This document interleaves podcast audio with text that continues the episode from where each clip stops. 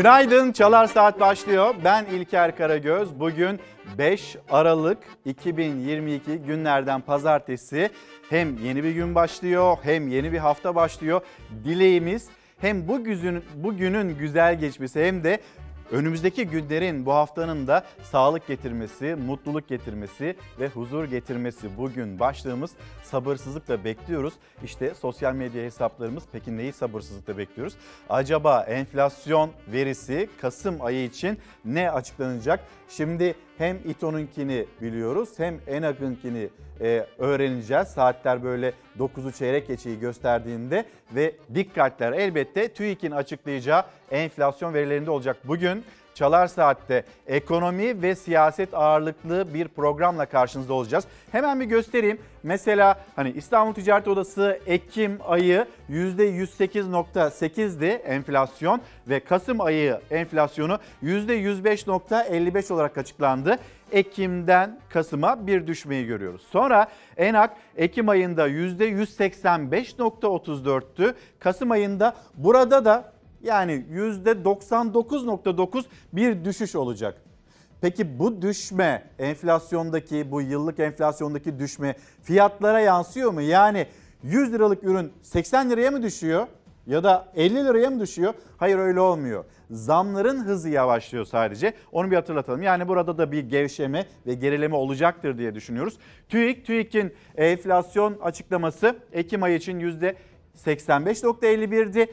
Muhtemelen bir düşüş olacak ama ne kadarlık düşüş olacak hep birlikte göreceğiz. Bugün Deva Partisi lideri Ali Babacan Çalar Saat'te konumuz olacak. Hem altılı masayı konuşacağız hem CHP liderinin açıklamış olduğu o ekonomi 70 kişilik ekonomi kadrosu Şampiyonlar Ligi diyor. O kadroyla ilgili hem onu konuşacağız. Hem bir hükümet programı üzerinde çalışıyor altılı masa. Değerlendireceğimiz başlıklardan birisi de bu olacak. Enflasyonla birlikte, hayat pahalılığıyla birlikte asgari ücret ne olacak mesela? Türk İş asgari ücret masasına böyle açlık sınırını göstererek, onu işaret ederek mi başlayacak, oturacak yoksa daha yukarıda bir rakamı mı savunacak masada? Aslında dün ee, Ankara'dan İstanbul'a dönerken öncesinde not bırakmıştım ben Türk İş Başkanı'na. Türk İş Başkanı Ergün Atalay tam da yol üzerinde aradı. Neredesiniz diye sordum. Sakarya'da, Sakarya'dayım deyince hemen yanına gittim. Orada kendisiyle hem konuştuk hem de özel bir röportaj gerçekleştirdik. Türk İş hani genelde asgari ücret e, bu tespit komisyonu başladığında, bu çalışmalar başladığında rakam telaffuz etmiyor. Ama öyle bir anlaşıldı ki sanki Türk İş açlık sınırını savunuyor ve hani 7700 lira, 7800 lira bu verildiğinde tamam diyecek gibi bir e, düşünce de oluştu. Çünkü hassas bir konu. İnsanlar böyle bunu duymak bile istemiyor. 8 bin ve üzeri, 9 bin, 10 bin, 15 bin diyen siyasi partiler var. Sendikalar ne söylüyor? Sorduk kendisine neyle oturacaksınız masaya? Neyi savunacaksınız? Dedi ki Türk İş Başkanı Ergün Atalay biz gıda enflasyonunu masaya getireceğiz. Aslında kolay kolay kartlarını açmaz ama böyle bir düşünce de oluşunca biz gıda enflasyonunu masaya getireceğiz dedi. Şimdi Türk İş böyle bir ön alıyor ama Çalışma Bakanlığı kulislerinde acaba asgari ücretle ilgili ne konuşuluyor? İş dünyası, iş dünyası ne kadar olsa iyi olur. İşçiyi ne kadara biz ikna ederiz? Bunun bir çalışması içinde buna dair notlarımız da var. Onları da paylaşacağız. Biz de elbette sabırsızlıkla bekliyoruz. Bu ülkede çalışan her iki kişiden birisi asgari ücretli. Asgari ücretin ne olduğunu bu memleketin hani çalışanları, emekçileri, alın teri dökenleri merak ediyor ve bir geçim ücreti haline geldi. Onu da birlikte konuşalım isteriz. Siyasetten notlar var. Dün akşamdan yapılan açıklamalar var. Cumhurbaşkanının altılı masayla ilgili söylediği, sonra CHP'nin yeni ekonomi kadrosu ile ilgili söyledikleri var. Yeni yeni polemiklerle başlayacak belli ki yeni hafta. Ama şöyle bir dışarı bakalım. Dışarıyı gösterelim sizlere. İstanbul'da nasıl bir gün başlıyor, nasıl bir gün olacak derseniz bugün fena bir gün olmayacak galiba. Böyle denizin sakinliğinden de görebildiğimiz kadarıyla tabii karanlık, sokak lambaları yanıyor. Denizin sakinliğinden gördüğümüz, anladığımız e, güzel bir gün bekliyor İstanbul'u. Sizin memleketinizde acaba Yeni gün nasıl başlıyor? Sokağa adım atanlar var. Çocuklarını hazırlayanlar var. Şöyle bir pencereden dışarıya bakın da bulunduğunuz yerde acaba Hava durumu nedir? Bununla ilgili de notlarınızı paylaşın. Sabırsızlıkla bekliyoruz göndereceğiniz mesajları. Memleket havası diyelim sonra hızlı hızlı haberlerimize geçelim.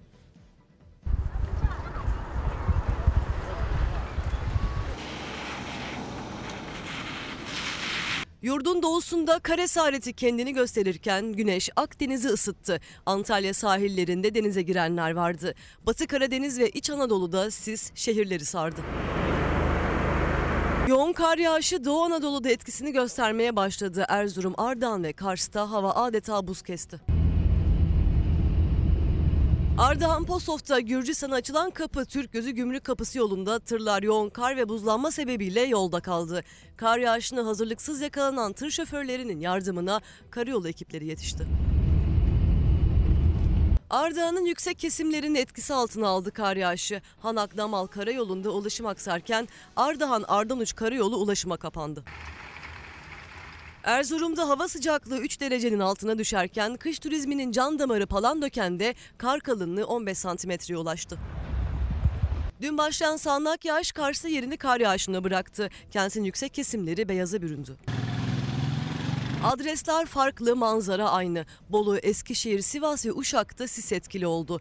Eskişehir'i Ankara, Bursa ve Kütahya'ya bağlayan karayollarında görüş mesafesi düştü. Sis sürücülere zor anlar yaşattı.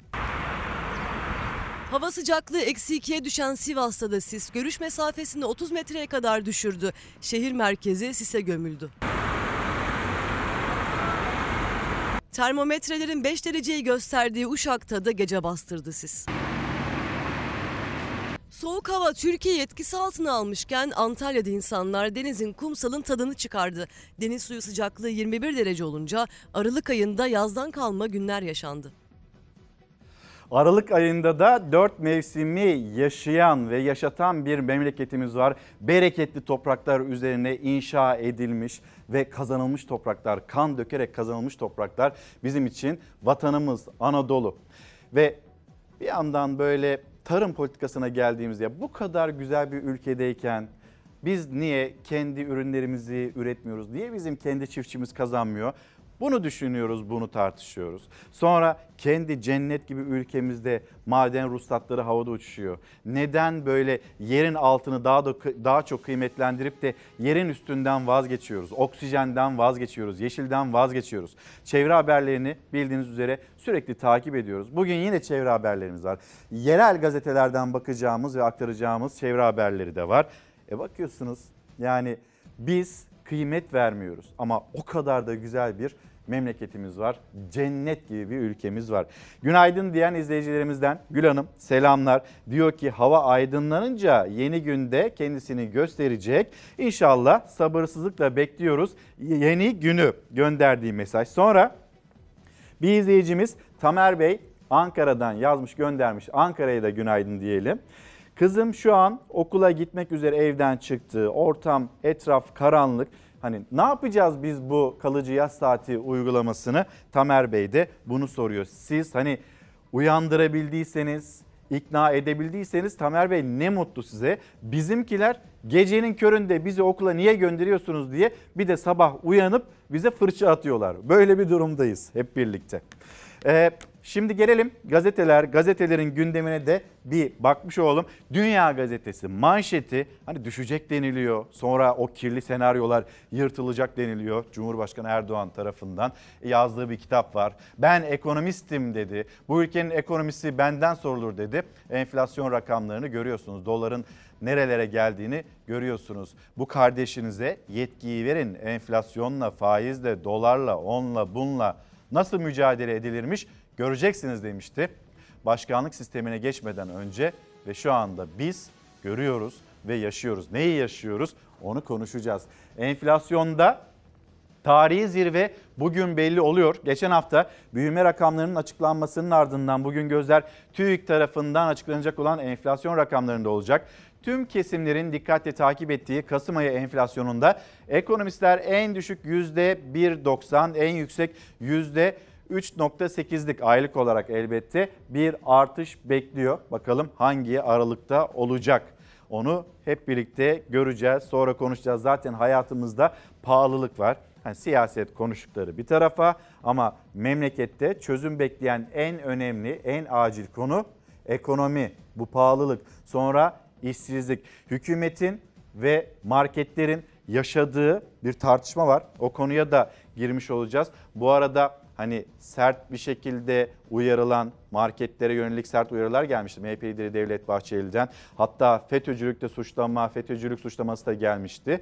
Ee, yani çok sert açıklamalara yine aynı sertlikte yanıt gelmişti. Bir edensizler, bir ahlaksızlar bundan sonra sizin anlayacağınız dilden konuşacağız biz de. Bir hani market yönetiminde olan Gıda Perakendeciler Derneği e, başkanlığı görevini de yürüten e, kişiden gelmişti. Bir açıklama var. İstifa etmesi de istenmişti. İstifa etti mi etmedi mi? Gazete Pencere'ye bir bakalım mı? Hep birlikte. Buyurun.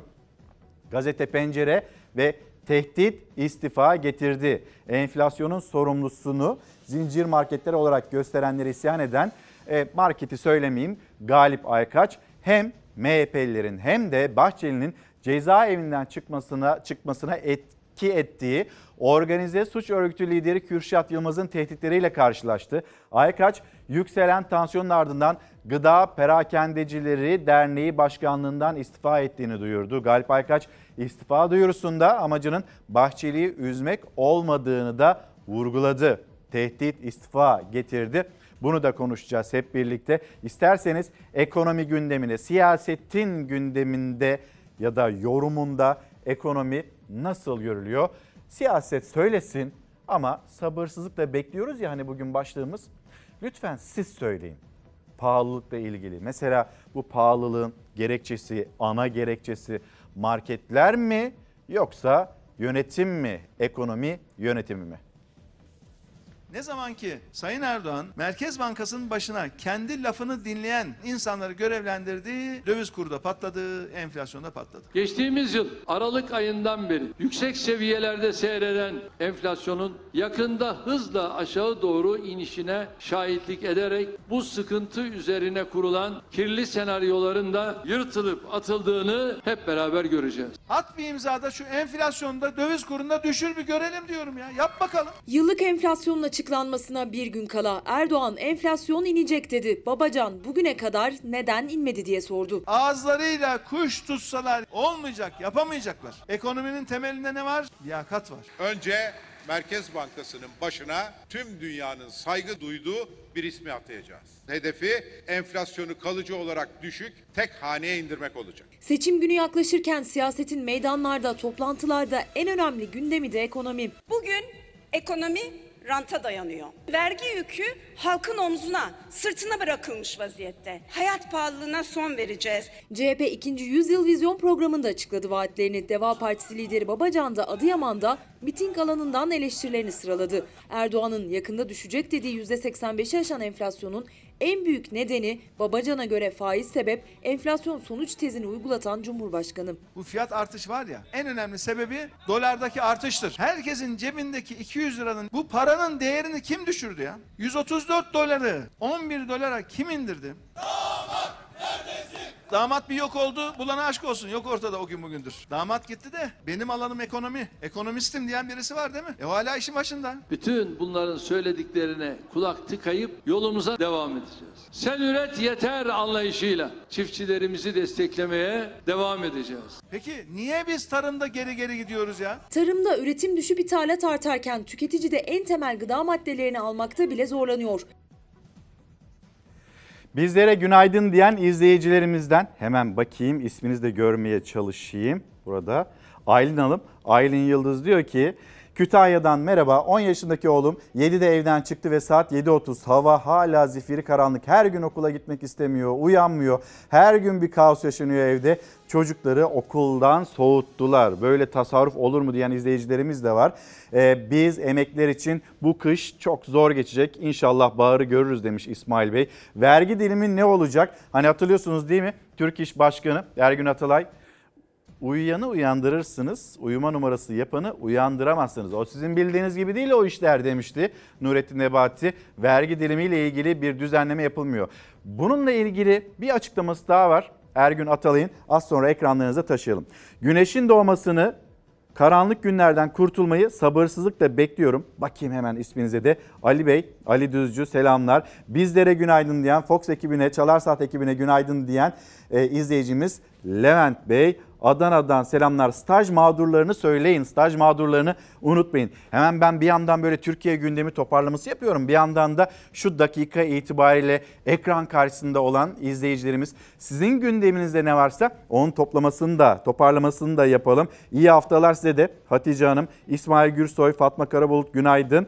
Ee, Yusuf Tumay, Yusuf Tumay öğretmenimiz bizi takibe almış Türkiye'nin gündemiyle birlikte. Bizler de selamlarımızı iletelim şu günlerin çabucak bitmesini sabırsızlıkla bekliyoruz diyor. Bu enflasyonun düşmesini sabırsızlıkla bekliyoruz diyor bir başka izleyicimiz. Bu karanlıkta emekli olduktan sonra ikinci işe gitmeye hazırlandığım Antalya'dan günaydın. Bakın hemen isminize de bakayım. Alican, Can Türk. Emekli olmuş. Bu karanlıkta erkenden uyanıyor. Emekli oldum, rahat ettim yok. Bizim emeklerimiz ikinci bir iş yapmaya çalışıyor. Niye? Geçinebilmek için. Devam edeceğiz. Yine konuşacağız bu konuyu. Gazete pencereye gelelim. İran'da ahlak polisi lağvedildi. Direndiler, bedel ödediler. Hatta öldüler ve kazandılar. İran'a gidelim. Bir koşam, hangi İranlı kadınlar iki buçuk ayı aşan protestolar sonrası ilk kazanımlarını elde etti. Ahlak polisi lağvedildi. Masa Amini başkent Tahran'da 13 Eylül'de başörtüsünü düzgün takmadığı gerekçesiyle ahlak polisince gözaltına alındı. Sonrasında hayatını kaybetti. 22 yaşındaki genç kızın ölümüyle ahlak polisine yönelik tepkiler büyüdü. Ülkenin dört bir yanında kadınların başını çektiği protestolar patlak verdi.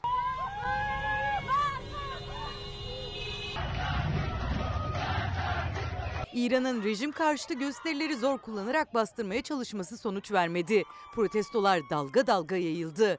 İki buçuk ayı aşan olaylar sonunda Tahran yönetimi dikkat çekici bir geri adım attı. İran Başsavcısı Muhammed Caferi Muntezeri meclis ve yargının başörtüsü konusu üzerinde çalıştığını söyledi.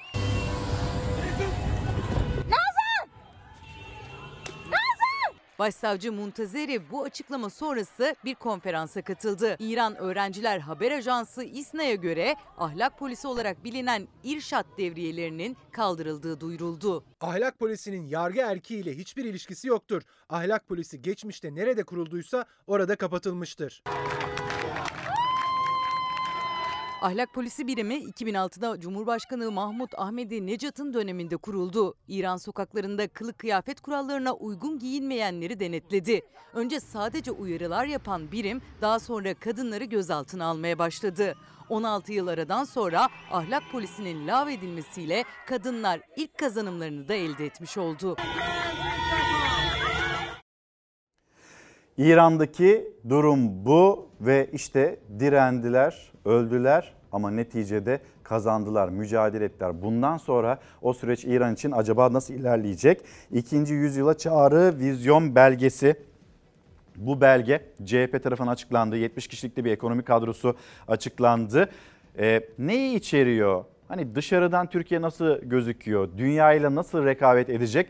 Elbette bugün konuşacağımız konular arasında. Gazete Pencere'de şöyle dikkatimizi çeken başlıklara hep birlikte bir bakalım. Bir büyütelim. Şimdi adaylık meselesi var. Ekrem İmamoğlu'na soruldu. Cumhurbaşkanı adayı olacak mısınız, olmayacak mısınız? Dedi ki Allah bilir. Hani gündem toparlaması yapıyoruz ya. Sonra o cümle adaylık mesajı mı? Mesela CHP lideri Kemal Kılıçdaroğlu Bay Kemal çıktığı yoldan asla geri adım atmaz. Bu sözler adaylık mesajı olarak yorumlanabilir mi? Bir başka tartışma konusu. Tehdit istifa getirdi. Bunu konuşmuştuk. Selvi Hanım'a ayıp ettiler. Selvi Hanım, Selvi Kılıçdaroğlu o vizyon belgesinin açıklandığı gün Covid-19 olduğu hani sonradan öğrenildi. Ama öncesinde işte göz kapakları ağırlaşıyor. Orada gözlerini dillendirdiği bir an var ve bir anla, bir çekilen bir fotoğrafla e, neler neler söylendi, ne kadar kötü sözler söylendi. Ama aslında Selvi Hanım rahatsızdı. Covid-19 testi pozitif çıktı Geçmiş olsun kendisine. Yani insanları anlamadan, dinlemeden öyle feci şekilde ve sosyal medya üzerinden öyle feci şekilde linç ediyorlar ki gerçekten çok ayıp, çok yazık. Kimler kimler, nerelerde, hangi koşullarda göz kapakları ağırlaştı. Ya Cumhurbaşkanı bir açıklama yaparken, bir açıklama yaparken böyle e, uyuyakalır gibi bir durumu vardı. Belli ki o da bir rahatsızlıktı. Bununla dalga geçilir mi? Geçilmez. Bununla dalga geçilir mi? Geçilmez. Ama öyle bir böyle karpuz gibi ortadan ikiye ayrıldık ki bir taraf öbür tarafı kötülüyor, öbür taraf bu tarafı kötülüyor. E ne olacak? Nereye varacağız? Hani vicdan, hani akıl, hani kalp? Nerede kaldı bunlar? Kimse bu pencereden bakmıyor. Bir de konuşulması gereken o mu yani? O gün neler açıklanıyor? Neler açıklanıyor? Kimler? Dünyaca saygın ekonomistler dahil oldukları bir vizyon belgesi. Ama bunu konuşmak daha kolay geliyor insanlara. Ya da ekonomi, pahalılık onu konuşmaktansa gidelim hani diğer önemli konular başlıklar da var mutlaka siyasette. Onların da konuşulması gerekiyor ama ekonomi konuşulmasın diye böyle bir polemiğe tutunan siyaset, iktidar bunu mu konuşacağız? Bunun mu konuşulmasını istiyor zannediyorsunuz vatandaş? Sonra elini cebine soktuğunda aa öyle mi? CHP onu demiş, AK Parti bunu demiş, MHP İyi Parti ipler gerildi. Bunu mu düşünüyor vatandaş? Eli cebinde. Cebinde parası var mı yok mu? Ona bakıyor. Başka da bir şeye bakmıyor. Gündemin buradan sekmesini istiyorlar ama öyle de değil.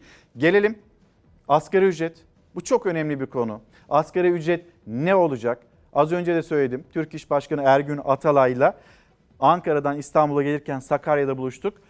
Sordum. Hani açlık sınırını mı e, kırmızı çizgi olarak belirliyorsunuz? Masaya bunu mu getireceksiniz? Ya da masaya geldiniz. Açlık sınırında bir rakam önerdi. Hükümette işverenle işçinin elini bu rakamda sıkıştırmaya çalışıyor. Elleri buluşturmaya çalışıyor. Buna tamam der misiniz? Yok dedi. Benim sözlerimden o çıkmaz dedi. Zaten hani o sözlerden de o çıkmıyor belli ama bir yandan da acaba asgari ücret masasına Türk İş nasıl bir rakamla oturacak? Bu merak ediliyordu. İşte açıklaması. Türk İş'in yaptığı gıda enflasyonu %138.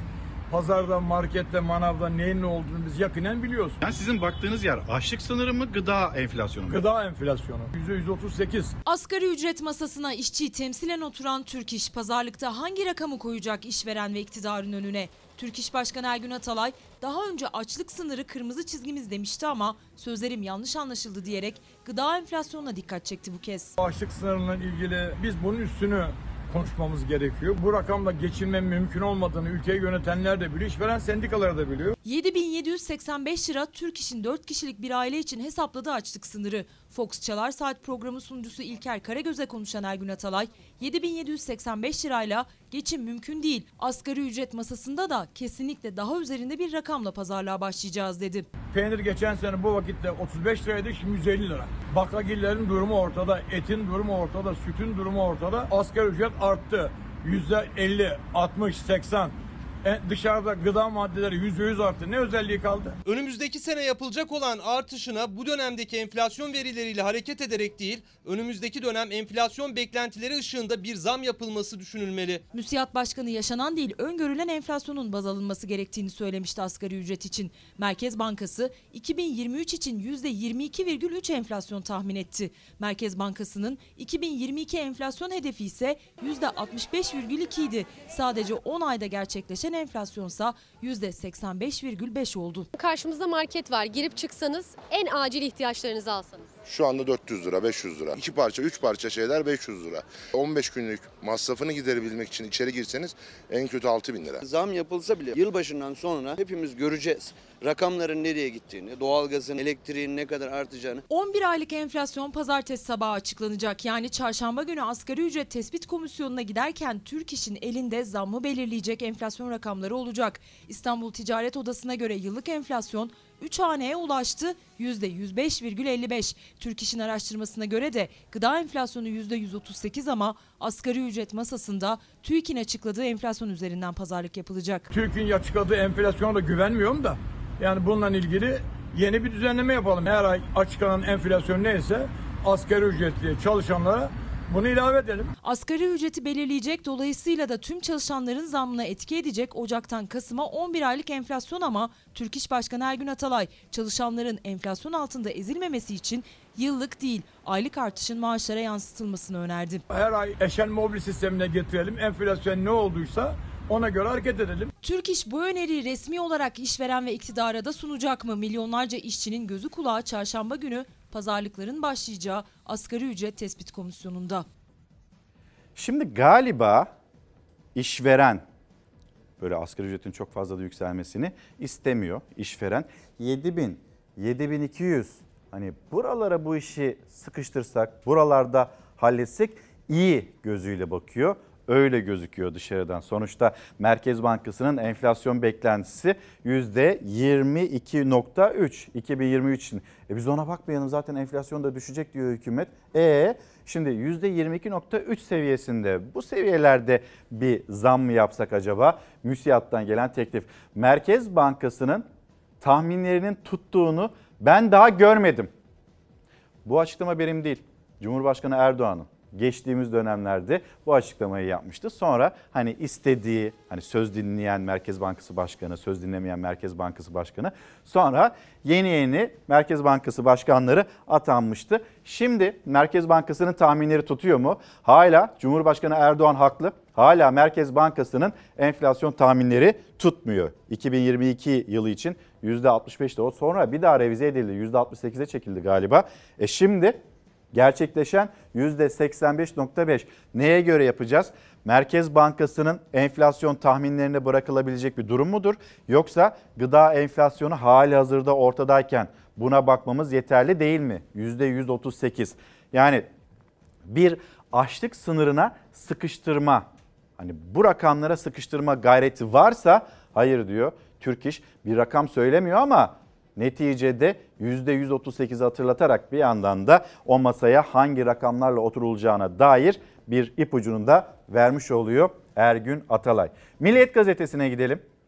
Milliyet gazetesinden Cumhurbaşkanı Erdoğan'ın yapmış olduğu yeni açıklamalar var. CHP'nin vizyon e, açıklamasının ardından vizyon burada diyor Cumhurbaşkanı. Şanlıurfa'da gençlerle buluşan Cumhurbaşkanı Erdoğan Kılıçdaroğlu'nun vizyon açıklamalarını ve Amerika Birleşik Devletleri'nden hani danışman tutmasını eleştirdi. Bay Kemal güya zihninde ne var ne yok bunları anlatıyormuş. Elin birilerini toparlamış etmiş Amerika'dan bilmem kim, bilmem şuradan kim. Yani bilmem kim bilmem kim denilen kişiler dünyada o kadar saygın ekonomistler ki ha şunu söyleyebilirsiniz. Boğaz içinde Nobel jürisinde olan hocalarımız var bizim.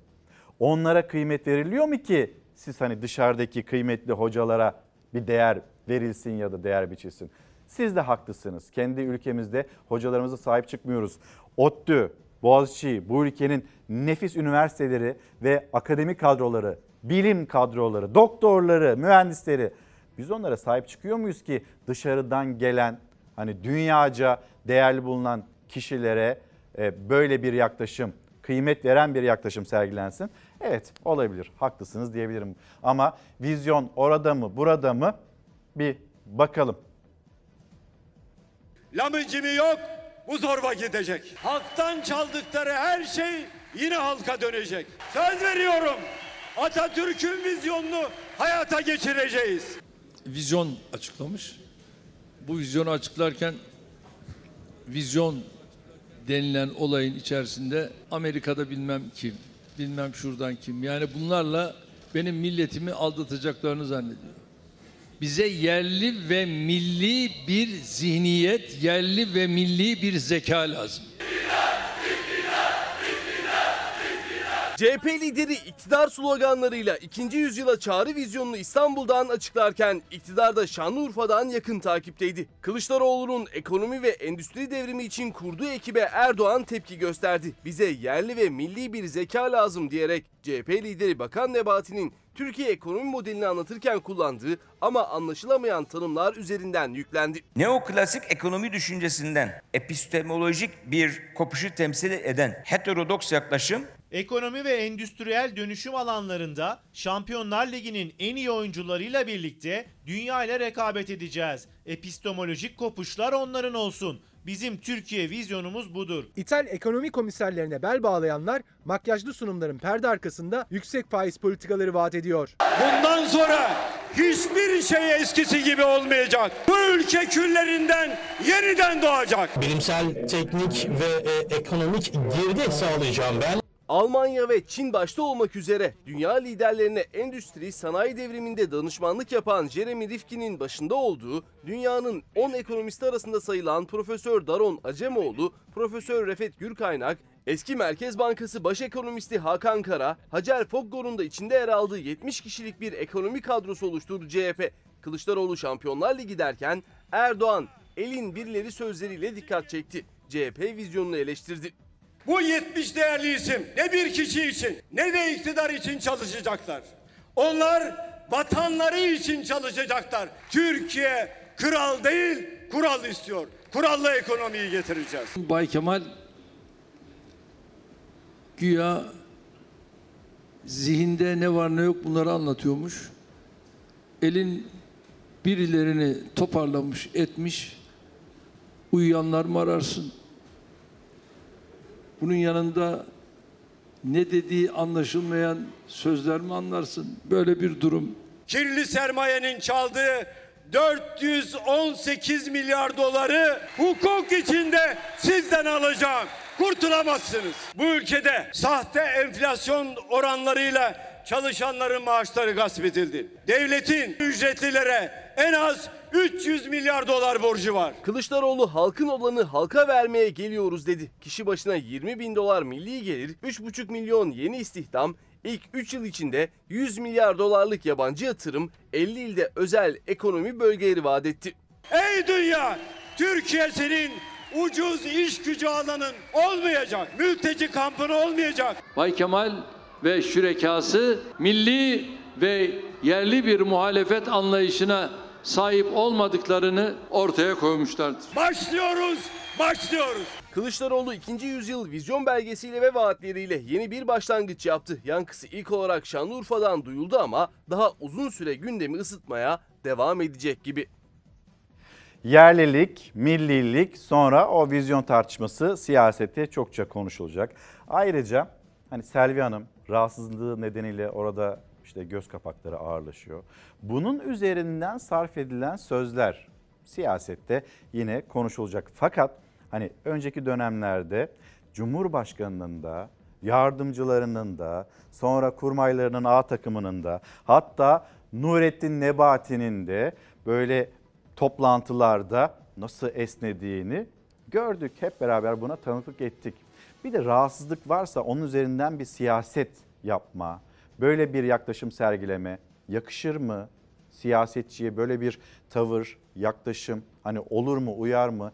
Kime yapılırsa yapılsın. Yani bir kişinin rahatsızlığı üzerinden bir tartışma açma, ne faydası var? Vatandaşın umurunda mı acaba? Hani böyle mi düşünülüyor? Böyle yerildiğinde daha mı güzel olacak? Bilemiyorum. Hani ben böyle bir değerlendirme içindeyim. Ama siz ne düşünüyorsunuz? Sabırsızlıkla bekliyorum. Mesajlarınızı, bize mesajlarınızı gönderebilirsiniz. Şanlıurfa'ya gidelim. Az önceki görüntüler, açıklamalar Şanlıurfa'dandı. Şimdi bir de Şanlıurfa'ya gidelim. Yaşanan bir kaza, bir patlama e, kazan dairesinde meydana gelen patlama onun görüntüleri. Savaş alanı haline gelen yerin adresi Şanlıurfa Akçakale. 5 katlı binanın kalorifer kazanı patladı. 6 kişi patlamada yaralanırken can kaybı yaşanmaması teselli oldu. Şanlıurfa'da Akçakale'ye bağlı Süleyman Şah mahallesinde binanın kalorifer kazanı patladı. Patlama o kadar şiddetliydi ki kazan dairesinin duvarı çöktü. Dairelerin camları patladı. Binalardan kopan dökülen parçalar caddeye savruldu. Çok ağır maddi hasarlı bir patlama. Ben o arada hemen arabama binip iş yerine geldiğimde durum çok vahimdi. AFAD, itfaiye ve polis ekipleri hızla bölgeye geldi. İtfaiye patlamanın ardından çıkan yangını hemen söndürdü. Patlamada 6 kişi yaralandı. Akçakale Devlet Hastanesi'nde tedavi altına alınan kişilerin hayati tehlikesi bulunmadığı açıklandı. Başta kuyumcu dükkanımız, binamız olmak üzere yan komşuların iş yerleri büyük bir hasar görmüş. Şiddetli patlamada can kaybı yaşanmaması yüreklere su serpti. Patlamayla ilgili başlatılan soruşturma devam ediyor. Ayşegül Hanım, günaydınlar. Birin dördü memur emeklisiyim. Neredeyse hiçbir ilacım ödenmiyor diyor.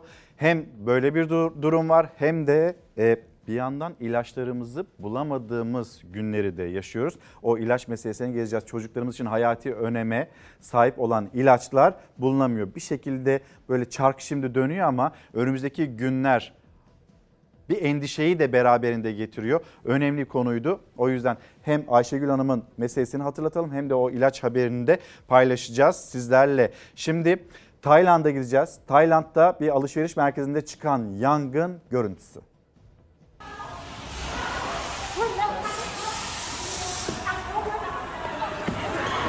Alışveriş merkezinin alt katında yangın çıktı. Alevler büyürken korkuya kapılan ziyaretçiler dışarıya kaçtı.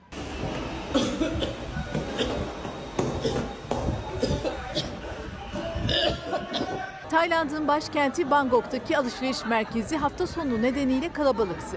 Öğlen saatlerinde 7 katlı binanın en alt katında yangın çıktı. Dumanlar her yeri sardı. Yangın üzerine alışveriş yapmaya gelen ziyaretçiler büyük panik yaşadı. Dükkanlardan çıkarak dışarıya akın etti.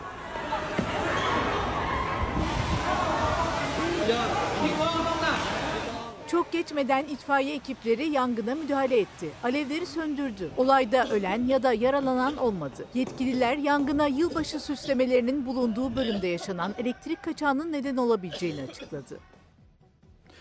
Ünlü sunucu ve model Özge Ulusoy ve akademisyen Nilay Ulusoy'un babaları Haydar Ulusoy trafik kazasında hayatını kaybetti.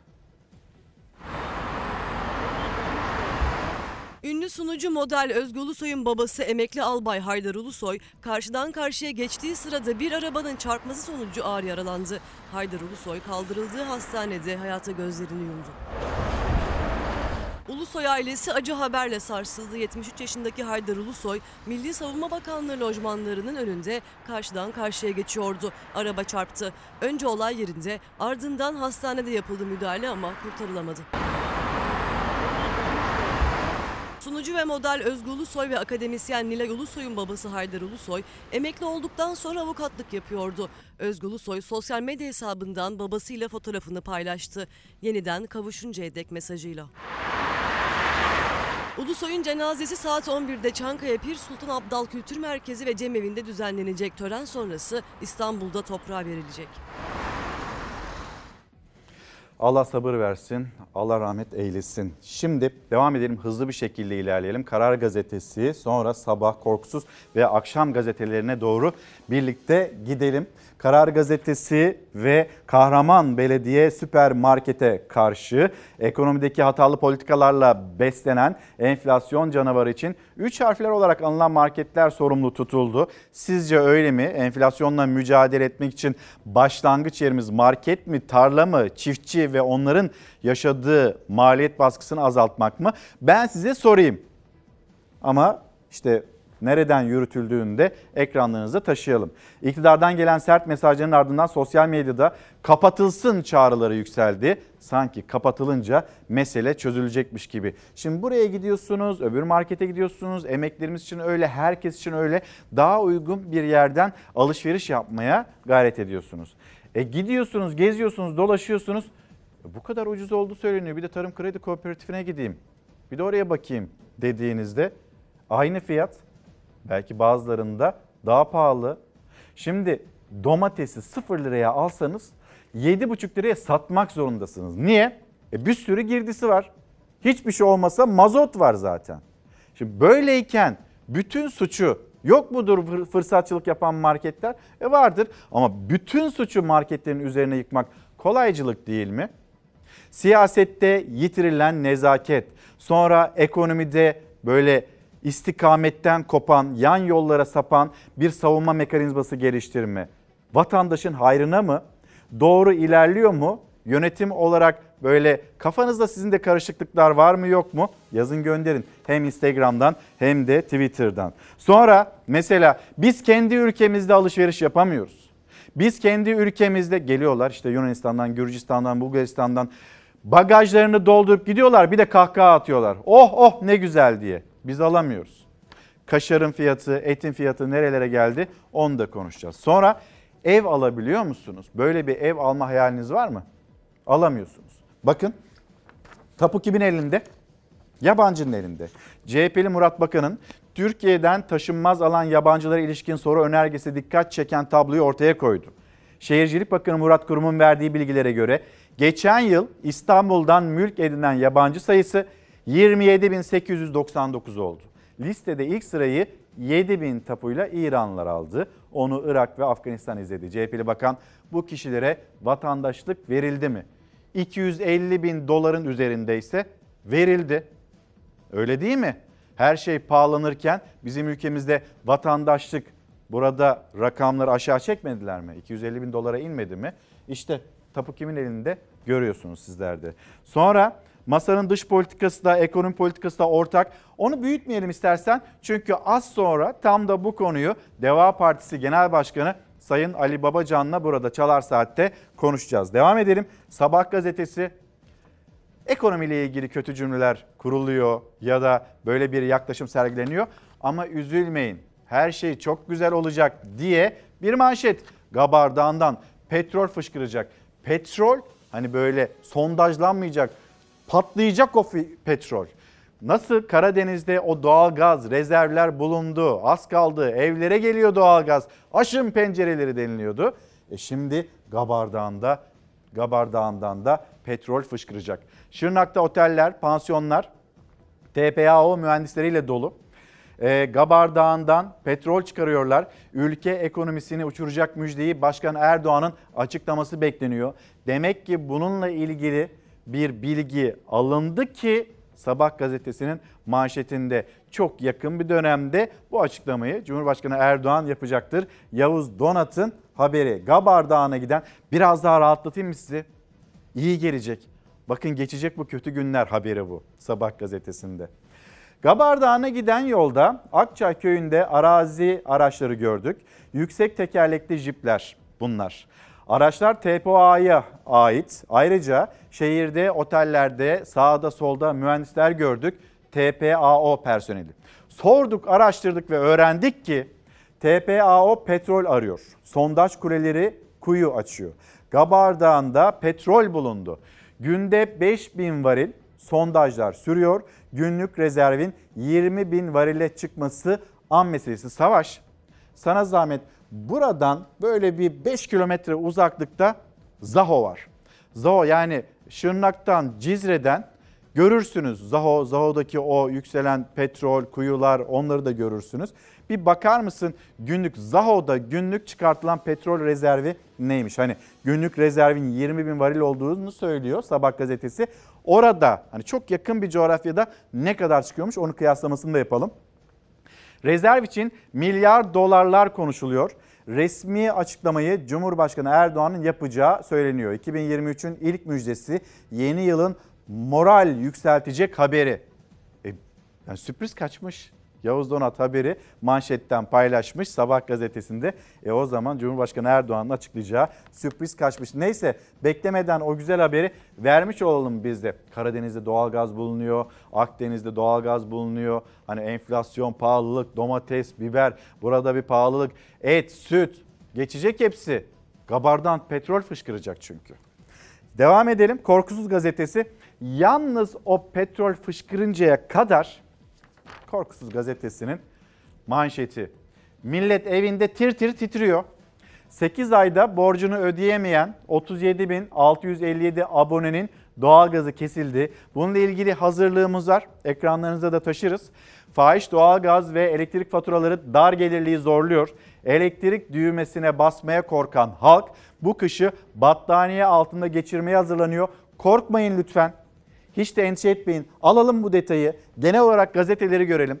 İki gazete yan yana ve ikisinin de manşeti birbirinden o kadar uzak ki ama baktığınızda İşte Sabah gazetesi Gabardağ'ından peş- petrol fışkıracak. Sabah gazetesi o uçta. E işte Korkusuz gazetesi millet evinde tir tir titriyor. Korkusuz gazetesi de bu uçta. Bunun bir ortası yok mu? Ortasına da geliriz. Bir gün gazetesi mesela ortada. Bugün gazete listemizde EYT'liler yoksul emekli olacak. Onu da konuşacağız hep birlikte. Şimdi gelelim Akşam gazetesi. Akşam gazetesinden bir haber paylaşalım istiyoruz. Maalesef acı bir haberi. Hemen her gün paylaştığımız bir haberi kadın cinayetleri haberlerine bir yenisi daha maalesef eklendi. Bahar'ı abisi katletti. Yer Şanlıurfa. Peki ne oldu? Ne yaşandı? O haber.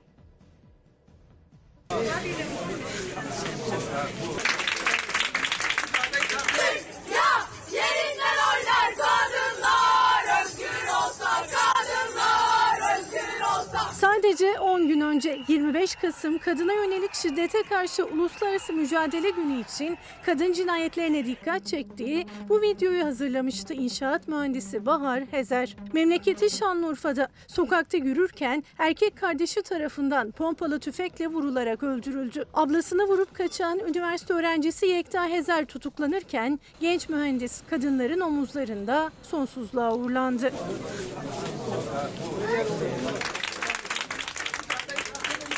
Özel bir şirkette çalışan inşaat mühendisi Bahar Hezer 26 yaşındaydı. Şanlıurfa İnşaat Mühendisleri Odası Yönetim Kurulu'nda görevliydi. 22 yaşındaki erkek kardeşi Yekta Hezer ise İstanbul'da bilgisayar mühendisliği bölümü öğrencisiydi.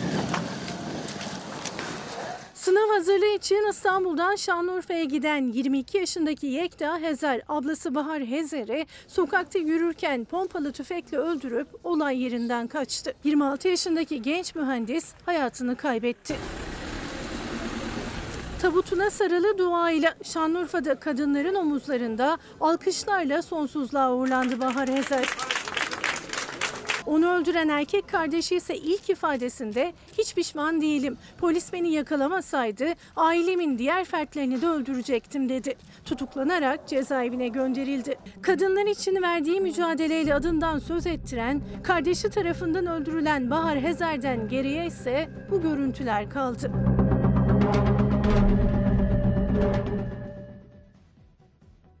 Ve bitmiyor.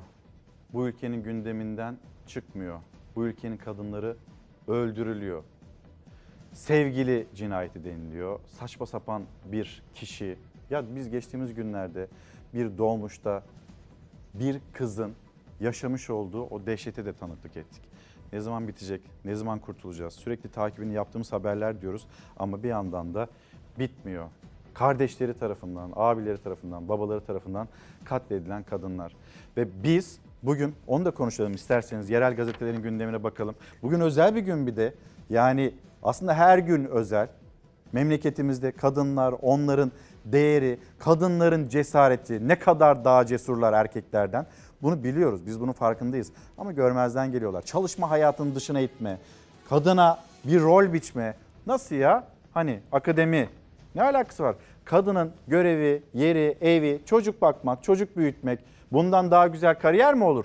Denile denile geldiğimiz yer. Ama asıl yola çıktığımız yer bakın Türk kadını atasına minnettar. Bugün 5 Aralık 1934'te kadına seçme ve seçilme hakkının verildiği gün. Türk kadını 1934'te pek çok Avrupa ülkesinden bile önce Atatürk'ün öncülüğünde seçme ve seçilme hakkı kazanarak ülkenin yönetiminde söz ve irade sahibi oldu. İsviçre'den 36 yıl önce, Fransa'dan 11 yıl önce, İtalya'dan 11, Romanya'dan 12, Bulgaristan'dan 13, Belçika'dan 14 yıl önce Türk kadını bu haklara kavuştu. Ama şimdi Şimdi yaşadığımız ne? Bir Hürriyet gazetesine gelelim mi? Madem bu konuya da girmiş olduk. Hürriyet gazetesinde de yer alan bir haber manşetten aktaralım sizlere. Yine kadınlarımız hangi illerde milletvekilleri var senelerdir neden çıkmaz diye soruyor Hürriyet gazetesi de. 20 kentte kadın çağrısı Kadın Adayları Destekleme Derneği'nin araştırmasına göre Türkiye'nin 20 ilinde bugüne kadar hiç kadın milletvekili çıkmadı. Hedef önümüzdeki seçimde daha fazla kadın milletvekili. Yaklaşan seçimde daha çok kadının meclise girmesi için olmadı Türkiye adlı bir kampanya başlatan Kader hiç kadın vekil çıkarmamış. bu 20 şehre yoğunlaşacak. İktidara da bir sesleniverirler herhalde. Bakalım hangi iller onlar? Adıyaman, Ardahan, Artvin, Bayburt, Burdur, Erzincan, Giresun, Gümüşhane, Karabük, Karaman, Kilis, Kırıkkale, Kırklareli, Kırşehir, Nevşehir, Niğde, Osmaniye, Rize, Sinop, Yozgat siyaset üstü ele alınacak olursa bu konu işte bakın hiç böyle milletvekili çıkartmamış, kadın milletvekili çıkartmamış iller sayısı hiç de az değil. 20 ilden söz ediyoruz. Kadınlar neden uzak tutuluyor hem çalışma hayatından hem bu ülkede karar vericiler olma noktasından kadınlar niye uzak tutuluyor? Kimler uzak tutuyor? Kadınlarla ilgili bir karar verilecek erkekler bakıyorsunuz. Onlar yine o fotoğraf karesinde onlar en ön safta ya da bir fotoğraf veriliyor kadın yok erkekler konuşuyor. Devam edelim yine takibini devam ettireceğiz dediğimiz haberlerimizden çevre haberleri hemen sizleri bir Akbelen'e Muğla Akbelen'e götürelim. Akbelen Ormanı mücadelemizde, nöbetimizde bugün 505. günümüzde mahkeme maalesef bilirkişi raporunun ardından yürütmeyi durdurma kararını ortadan kaldırmış bulunmakta.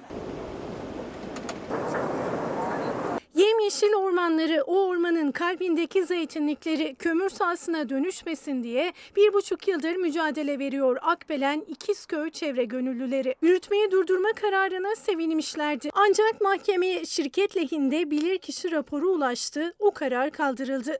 Muğla Milas'taki Akbelen ormanlarının kömür madenine dönüşmesinin bir kez daha önü açıldı. Bizi yıldıramaz. Burada olmaya, nöbetimizi fiili olarak devam ettireceğiz.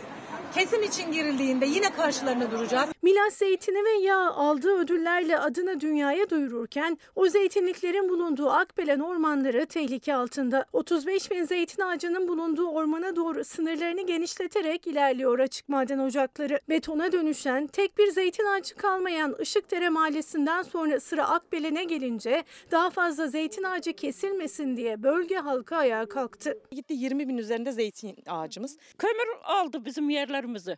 Hindik'te zeytin zeytinyağını satın alıyorum. Bir tane zeytin ağacım yok. Bir tane ze- yeşil zeytin yemedik. İkizköylüler maden sahasının genişletilmesi projesine karşı iptal davası açmıştı. Önce yürütmeyi durdurma kararı çıktı ama 3. bilirkişi raporu şirket lehindeydi. Mahkeme yürütmeyi durdurma kararını kaldırdı. Karar sonrası nöbetlerinin 505. gününde bir kez daha Akbelen'de buluştu İkizköylüler. Ormanlarını ve zeytinliklerini vermemek için mücadele edeceklerini açıkladılar. Asla Akbelen ormanını vermeyeceğiz. Akbelen yuvamız yaşasın Akbelen demeye devam edeceğiz. Değil mi Melahat abla? Evet. Vermeyeceğiz. Akbelen ormanını vermeyeceğiz. Bir Türkiye gazetesine gidelim mi? Türkiye gazetesinde dikkat çeken bir manşet haber var ama üzerinde de konuşalım istiyorum. Yani siyaset, siyaset, siyaset bir yere kadar. Geleceğimiz yer bizim çiftçi. Çiftçimizi nasıl koruyacağımız, ekonomimizi nasıl koruyacağımız, pahalılıktan nasıl kurtulacağımız. Türkiye gazetesinin manşeti herkes çiftçi olacak. Şimdi empati kuralım diye mi çiftçiyle acaba? Yani onlar nasıl bir pahalılığı yaşıyorlar diye mi? Yok öyle değil. Bakın Türkiye dikey tarıma geçiyor. Apartman altında bile sebze üretilebilecek. Toprak ve sudan %95 tasarruf sağlanacak. Bir kere böyle bir ihtiyacımız yok bizim. Bir kere bizim inanılmaz bir coğrafyamız var, toprağımız var, çiftçimiz var. Deneyimli, bilgili, böyle toprakta, kendi toprağında avuçladığında, toprağa baktığında ne yetiştiğini, ne yetişebileceğini bilen çiftçimiz var bizim. Niye biz merdiven altında, bodrum katlarda böyle bir şey yapalım? Devam edelim. Hızlı yapılaşma tarımsal alanları azalttı. Şimdi satır satır konuşalım mı bunu? Çünkü ben bunu konuşmak istiyorum. Hızlı yapılaşma tarımsal alanları azalttı değil. Çiftçi toprağa küstü, ektiğinin karşılığını alamadı. Sonra müteahhitler geldi tarım arazilerini betona çevirdi. Öyle. Öyle demek lazım. Yani çiftçi keyfinden mi verdi toprağını? Ülkeler çözüm bulabilmek amacıyla şehirlerde hızlı dikey tarıma geçmeye başladı. Ülkeler. Peki. Model Türkiye'de ilk kez Ankara'da uygulamaya konuldu. Eskiden Mamak çöplüğü olarak bilinen alan modern katı atık tesisine dönüştürüldü. Tesiste ilk hasat yapıldı. Şimdi Atıl olan bir yerde bir yerin tarım alanı olarak bir sera olarak kullanılması önemli, kıymetli. Bunun başarılabiliyor olması kıymetli. Bununla ilgili kafa yoruluyor olması kıymetli. Yalnız artık biz bunu da yaparız. Bunu da başarırız. Hayır. Yani asıl bizim başarmamız gereken çiftçimiz onu güçlendirmemiz gerekiyor. Doğrusu bu. Siz yine üretin. Bu merdiven altında, seralarda üretilenler bizi doyuracak mı? Yeterli olacak mı? Hayır. En nihayetinde çiftçiye dönmeniz gerekiyor. Devam edelim. Şirketin iş geliştirme direktörü Ali Rıza Öner atıkları yakarak elde ettikleri ısıyı sebze üretimi için kullandıklarını söyledi. Çok güzel. Tamam. İtiraz yok. Ama bu haberin bize düşündürttükleri var. Biz buraya neden geldik? Biz bunu neden yaşıyoruz? Bu pahalılıktan kurtulmanın formülü, reçetesi elimizdeyken neden yapmıyoruz? Marketler, marketler suçlanıyor. Perakende yasası çıkartıldı mı? Üzerinde düşünüldü mü, konuşuldu mu? E bekliyor hala mecliste. Sorun TESK başkanına, Bendevi falan dökene. Soruluyor mu? Yok. Öner dikey tarım bizzat şehirlerin içinde uygulanabilir. Diyor ki ya galiba biz bunu başaramayacağız. Siz kendiniz ekin biçin. Bu pahalılıktan kendinizi koruyun. Oraya geliyor iş. Apartmanımızın altındaki sığınaklar dahi üretim yeri olabilir. Saksı böyle bir avuç toprak görseniz ekin denilmişti. Ekti çiftçi sonra karşılaştığı. Sistemle bu sistemle e, su ve topraktan %95 tasarruf sağlanabilir. Burası önemli. Biz en çok suyumuzu maalesef böyle hoyratça tarımda e, heba ediyoruz. Bunu da çözmemiz gerekiyor. Yerel gazetelerde tekrar ona da bakarız. Çevre haberlerimiz var. Yalnız bir feci haber daha var. Onu paylaşacağız.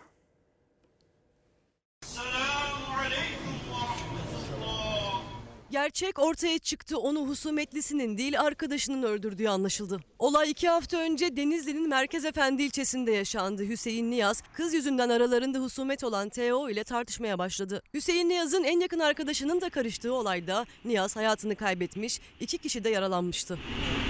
Soruşturmada önce olayın diğer tarafı TO'nun cinayeti işlediği üzerinde durdu polis. Yaklaşık iki hafta süren soruşturma neticesinde gerçek ortaya çıktı. Cinayeti kavga sırasında Niyaz'ın yakın arkadaşı UC'nin işlediği belirlendi. Kavga sırasında yaşanan arbedede UC'nin elindeki silahla önce TO'yu omuzundan yaraladığı, sonra da en yakın arkadaşını karnından yanlışlıkla vurduğu anlaşıldı. UC, çocukluk arkadaşına destek olmak için gittiği kavgada en yakın arkadaşının katili oldu. Yapılan işlemlerin ardından UC tutuklanarak cezaevine gönderildi. Az önce Ayşegül Hanım da hatırlatmıştı. Hani emeklilerimiz onların ilaçlarının ne kadarı ödeniyor, ne kadarı ödenmiyor. Bununla ilgili bir problem var. Bir de çocuklarımızın ilaca, hayati öneme sahip ilaçlara ulaşmasında sorunlar yaşanıyor. Bir iki hemen sağlık haberi paylaşalım. Ee, mesela İzmir Gazetesi, Telegraf, e, Telgraf ve 5 dakika içinde haydi tetkike. Hekimler 5 dakikada bir hasta bakıyor. Cihazlı muayene zamanı her geçen gün artıyor. İzmir Tabip Odası Başkanı kaynak süre hekime bırakılsın. Şimdi süre hekime bırakıldığında 5 dakikada bir insanın hastalığı hani bunu teşhis edebilmeniz, daha ilerisini görebilmeniz mümkün değil. Bir dikkatli ama 20 dakika ayırmıştı orada hekimimiz. Hani bir hastalığı, kanseri teşhis edebildi. Yani böyle bir e, süreyi hekime dayatmamanız yani hekimin bunu belirlemesi gerekirken işte yaşadım 5 dakikada bak geç bak geç öyle değil. Diyarbakır Amida gazetesi 10 ayda 45 doktor başvurdu Diyarbakır'dan beyaz göç. Diyarbakır'da 2021 yılında 16 Ekim yurt dışına gitmek için iyi hal belgesi aldı. 2022 yılının ilk 10 ayında bu sayı 45'e yükseldi. Sadece Diyarbakır'da yaşanan durum bu. Şimdi fırsatçılar deniliyor. Onların da hepsine bakacağız. Bu haberleri de ekranınıza getireceğiz. Ee, bir 15 dakika sonra Deva Partisi lideri Ali Babacan burada yanımızda olacak. Hem siyaset hem ekonomi hem de sizin bizim gündemimiz birlikte konuşacağız, değerlendireceğiz. Aşı yok efendim. Bir de ilaçlar bulunamıyor çocuklarımız için. Hemen ekranlarınıza getirin. Yetkililer bir duyu versin. Özellikle verem aşılarında ve çocuk felci aşılarında her Aralık ayında ihale süreci sebebiyle aşılarda bir darlık var. Bu sene bu birazcık daha erken oldu. İstemezdim yani aşının eksik olmasını çünkü hepsi çocuklarımız için, sağlıkları için. Biz aile hekimleri olarak Aşı yapamadığımız bebekler için ve çocuklar için üzgünüz. Sorunun kaynağı e, bakanlığın temini. İhale süreci tamamlanmayınca bebekler eksik aşılandı. Aile hekimliklerinde 1 yaşına kadar yapılan çocuk felci, verem ve hepatit B aşıları ihale süreci yüzünden tedarik edilemedi. Ailelerde, aile hekimleri de zor durumda kaldı. En kötüsü eksik aşı çocuklar için her an hastalık riski demek. Vahşi virüslerin e, ortada kol gezdiği bir yerde verem aşısı olmadan e, çocukların vereme yakalanma riski çok fazla. Çocuk sağlığı için en önemli aşılardan verem, hepatit B ve çocuk felci aşılarında sıkıntılar yaşanıyor. İstanbul'daki aile hekimliklerinde şimdilik planlamayla durum idare ediliyor ama Doğu illerinde çocuk sayısı çok daha fazla olduğu için eksikler yaşanıyor. Özellikle Doğu Anadolu'daki illerde e, çocuk felci ve verem aşıları yok. Karadeniz'deki bir ilin 2-3 katı bebek ve çocuk nüfusumuz var. Yani doğum oranımız Yunanistan'ın doğum oranı kadar. Bebek çocuk nüfusu çok fazla. Hastalık atlatma yönünde büyük bir tehlike altında olduğunu söyleyebilirim. Bebek nüfusun yoğun olduğu illerde aşı yetmedi. Diğer illerde de yeni parça aşılar gelmedi. Aşının bitme tehlikesi var. Özellikle Gaziantep, Şanlıurfa ve Adana'da hayati önem taşıyan aşılar eksik. Bebekli aileler aşı yaptırmadan evlerine döndü. Ortalama benim e, her ay aşıladığım 100'e yakın bebek var. Bunlardan en az 20-25 tanesi aşılanmıyor. E, bunu il bazlı düşünürsek bu aşıya ulaşamayan e, en az e, 8-9 bin bebek var. Kötü hissettirdi tabii ki de çocuğumun aşıların eksik kalması. Kötü hissederdim. Aşının bir takvimi var. Belli aşılarla bir arada yapılamıyor. Belli aşılar e, sonra yapılması gerekiyor. O takvimi de bozmuş oluyorsunuz. E, bu da e, salgın hastalıklar yönünden büyük bir risk. Aile hekimleri aşı tedariğinin bir an önce sağlanmasını istiyor.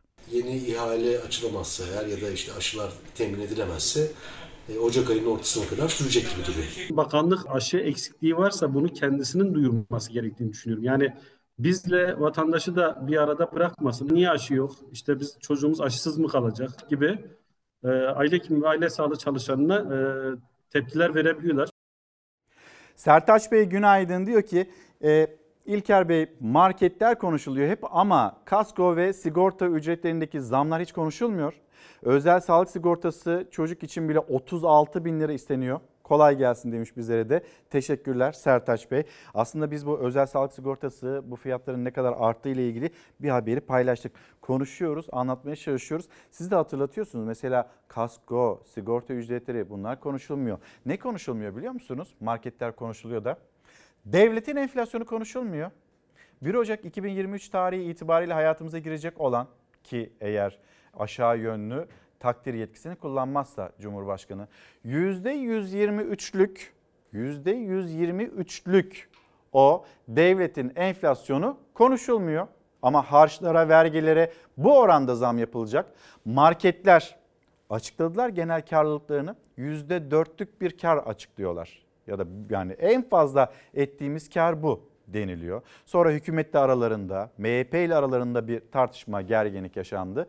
E şimdi bizim ne kadardı? Dakikada 7 milyon lira sevgili Ozan Bingöl, Doktor Ozan Bilgöl vergi uzmanı biliyorsunuz. Dakikada 7 milyon lira vergi toplanıyor bu ülkede ve yetmiyor. Hala açık var. 1 Ocak'tan sonra yine daha fazla vergi toplanmaya da devam edecek. Dolaylı vergileri zaten hiç konuşmuyoruz, hiç söylemiyoruz. Elektrikle ilgili sorunumuz var. Esnafın doğalgazla ilgili, kirayla ilgili sorunları var. Bunlar hiç konuşulmuyor. Marketler konuşuluyor. Bir günah keçisi seçilmiş ve belirlenmiş gibi gözüküyor. Kim ne yapıyorsa yapsın. Hani bunun denetimleri de yapılsın bakanlıklar tarafından. Yalnız tek bir kanal gösterilip, tek bir mecra gösterilip onlar yapıyor diye gösterildiğinde bu işte öyle çok doğru olmuyor. Şimdi isterseniz bir faturalarımıza bakalım. Korkusuz gazetesi, hani sabah gazetesi petrol fışkıracak. Korkusuz gazetesi e, tir tir titriyoruz. Böyle bir kıskacın içindeyiz maalesef. Peki yaşadığımız ne? Biz bu sarmaldan nasıl çıkacağız? Doğalgaza 8 ayda 37.800 kişi ödemesini yapamamış. Elektrik zamları, akaryakıt zamları sabit ve dar gelirinin belini büktü. Artık insanlar battaniye altında soğuktan korunmaya çalışıyor. Elektrik düğmesine elleri gitmiyor. Ekonomik krizin yansımasıyla ekonomik anlamda sıkıntıya düşen yurttaşlar için geçim oldukça zorlaştı. Her alanda gittiklerinde fiyat artışları bellerini büküyor. Cumhurbaşkanlığı hükümet sisteminde Cumhurbaşkanı market fiyatlarını gündeme getiriyor ama kendisinin bilgisi dahilinde elektriğe, doğalgaza, akaryakıta gelen zamlar için ise hiç söz etmiyor. Özünde ülkede ekonomik anlamda yaşanan kriz dar gelirliği ciddi anlamda sarsıyor ve her geçen gün yaşamlarını zorlaştırıyor. Yılmaz Bey günaydın. Sabırsızlıkla bekliyoruz derken beklediklerimizi yazmaya başladım. Baktım sayfa doldu. Ben de yetiremedim. Yazmaktan yoruldum, bıraktım. Ne çok beklentimiz birikmiş. Şaşırdım diyor kendisi. Yalnız bir tanesini bıraksaydınız, silmişsiniz hepsini. Bir tanesi kalsaydı da burada herkes duymuş olsaydı Yılmaz Bey Twitter'dan göndermiş.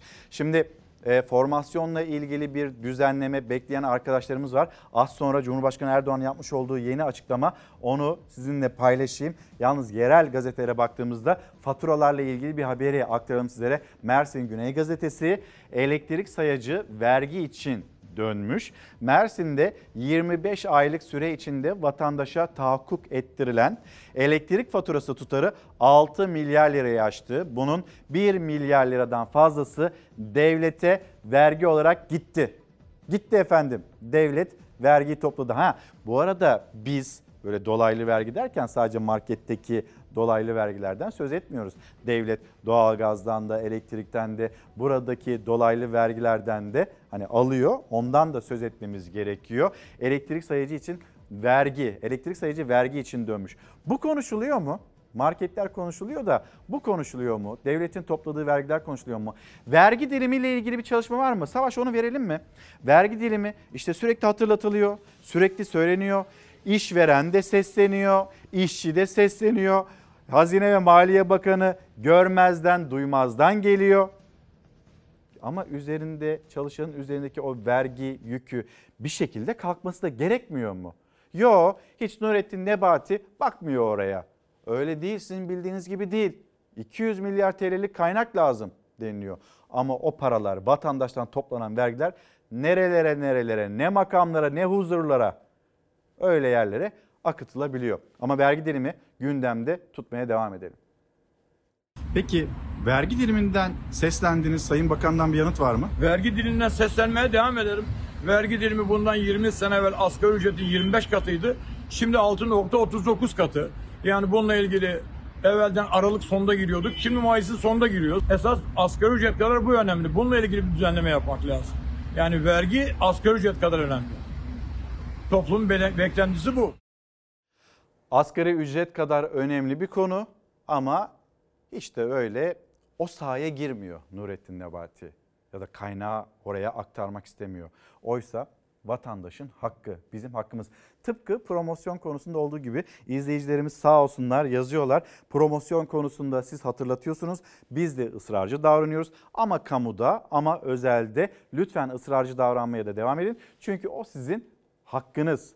Bankalar bu kadar karlılık içindeyken bankalar böyle bir karı edebiliyorken vatandaşla paylaşılmıyor olması, haklarının paylaşılmıyor olması, sonra bazı işverenlerin, patronların o paraları cebine indiriyor olması bir sorun ve lütfen hakkınızı arayın. Promosyonun hakkınızı isteyin, dillendirin. Devam edelim. Şimdi isterseniz hemen bir e, Cumhurbaşkanı hani kendisinin formasyonla ilgili söylediği sözler var. Arkadaşlarımız da bunu bekliyor. Bekleyen arkadaşlarımız var demiştik. Hemen bir dinleyelim kısacık.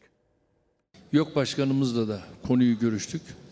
Biliyorsunuz üniversiteyi bitirdikten sonra bir veya iki yıl formasyon eğitimi veriliyordu. Ben kendilerine dedim ki Sayın Başkan artık bunu kaldırıyorsun dedik. Kaldıracaksın. Üç ve dördüncü sınıfta formasyonu verelim ve üniversiteyi bitirirken yani fakülteyi bitirirken böylece formasyon eğitimini de almış olsun dedik ve mutabık kaldık. Şimdi bir haber, bir görüntü, polisle karşı karşıya gelen, daha doğrusu çatıya çıkıp polise ve etraftaki herkese tuğlalar fırlatan birisi. Saatlerce polise ter döktürdüğü eline aldığı sopayla apartmanın çatısına çıktı. Defalarca düşme tehlikesi yaşayan adam etrafa tuğlalar savurdu. Tuğlalardan biri çocuğu teğet geçti. Bak çocuklar var. Elindeki sopayla binanın çatısında oradan oraya koşturan, etrafa taş ve tuğla fırlatan adam polise zor anlar yaşattı. Hiçbir telkin ikna çabası fayda etmedi. Sadece kendi hayatını Şimdi Düzce'yi de konuşalım. Yaşadığımız bir deprem konusu Ee, ve bu mesele sarsıldığımızda, sallandığımızda, o depremi yaşadığımızda gündemimize geliyor. Ondan sonra da gündemden hızlı bir şekilde çıkıyor, uzaklaşıyor. Bir kere Düzce'yi konuşmamız lazım. Depremden sonra Depremi yaşayanlar, evleri ağır hasarlı olanlar onlar ne durumda? Bizi izleyebilenler varsa yakınları, arkadaşları lütfen Düzce'deki depremzedeler onlardan bir haber paylaşsınlar. İzmir'de depremzedeler var. Hala meseleleri çözülmedi. İzmir'deki depremzedelerden de bekliyoruz, sabırsızlıkla bekliyoruz mesajlarınızı. Şimdi gelelim isterseniz Evrensel Gazetesi'ne geçmeden önce Bir Gün Gazetesi'nde hani emeklilikte yaşa takılanlar, onların beklentisi Aralık ayında gündeme gelecek mi, gelmeyecek mi, gelse ne olacak? Hemen onunla ilgili bir haber. EYT'lilere 99 öncesi yerine bugünkü sistemle aylık bağlanırsa yeni yoksul emekliler ve ucuz emekli iş gücü ortaya çıkacak. Bu da işverenlere yarayacak. Evden çıkmaya hazırlanan, emekli olan ve çalışmaya giden büyüklerimiz var mı? Lütfen bize bir yazabilirler mi? Ne kadar Hani emekli maaşınız ne kadar ve şimdi nasıl geçiniyorsunuz? Geçinebiliyor musunuz? Bu şartlarda emeklilik bu ülkede memleketimizde kolay mı? Aralıkta çalışma hayatının iki önemli gündemi var. EYT'ye ilişkin düzenleme ve asgari ücretin tespiti. Bu iki konu milyonlarca emekçiyi yakından ilgilendiriyor ancak konu açık ve şeffaf bir biçimde tartışılmıyor. Ayrıntıları kimse bilmiyor. EYT düzenlemesi yapılırken adil ve eşitlikçi bir yaklaşımla hareket edilmezse yeni sorunlar çıkabilir.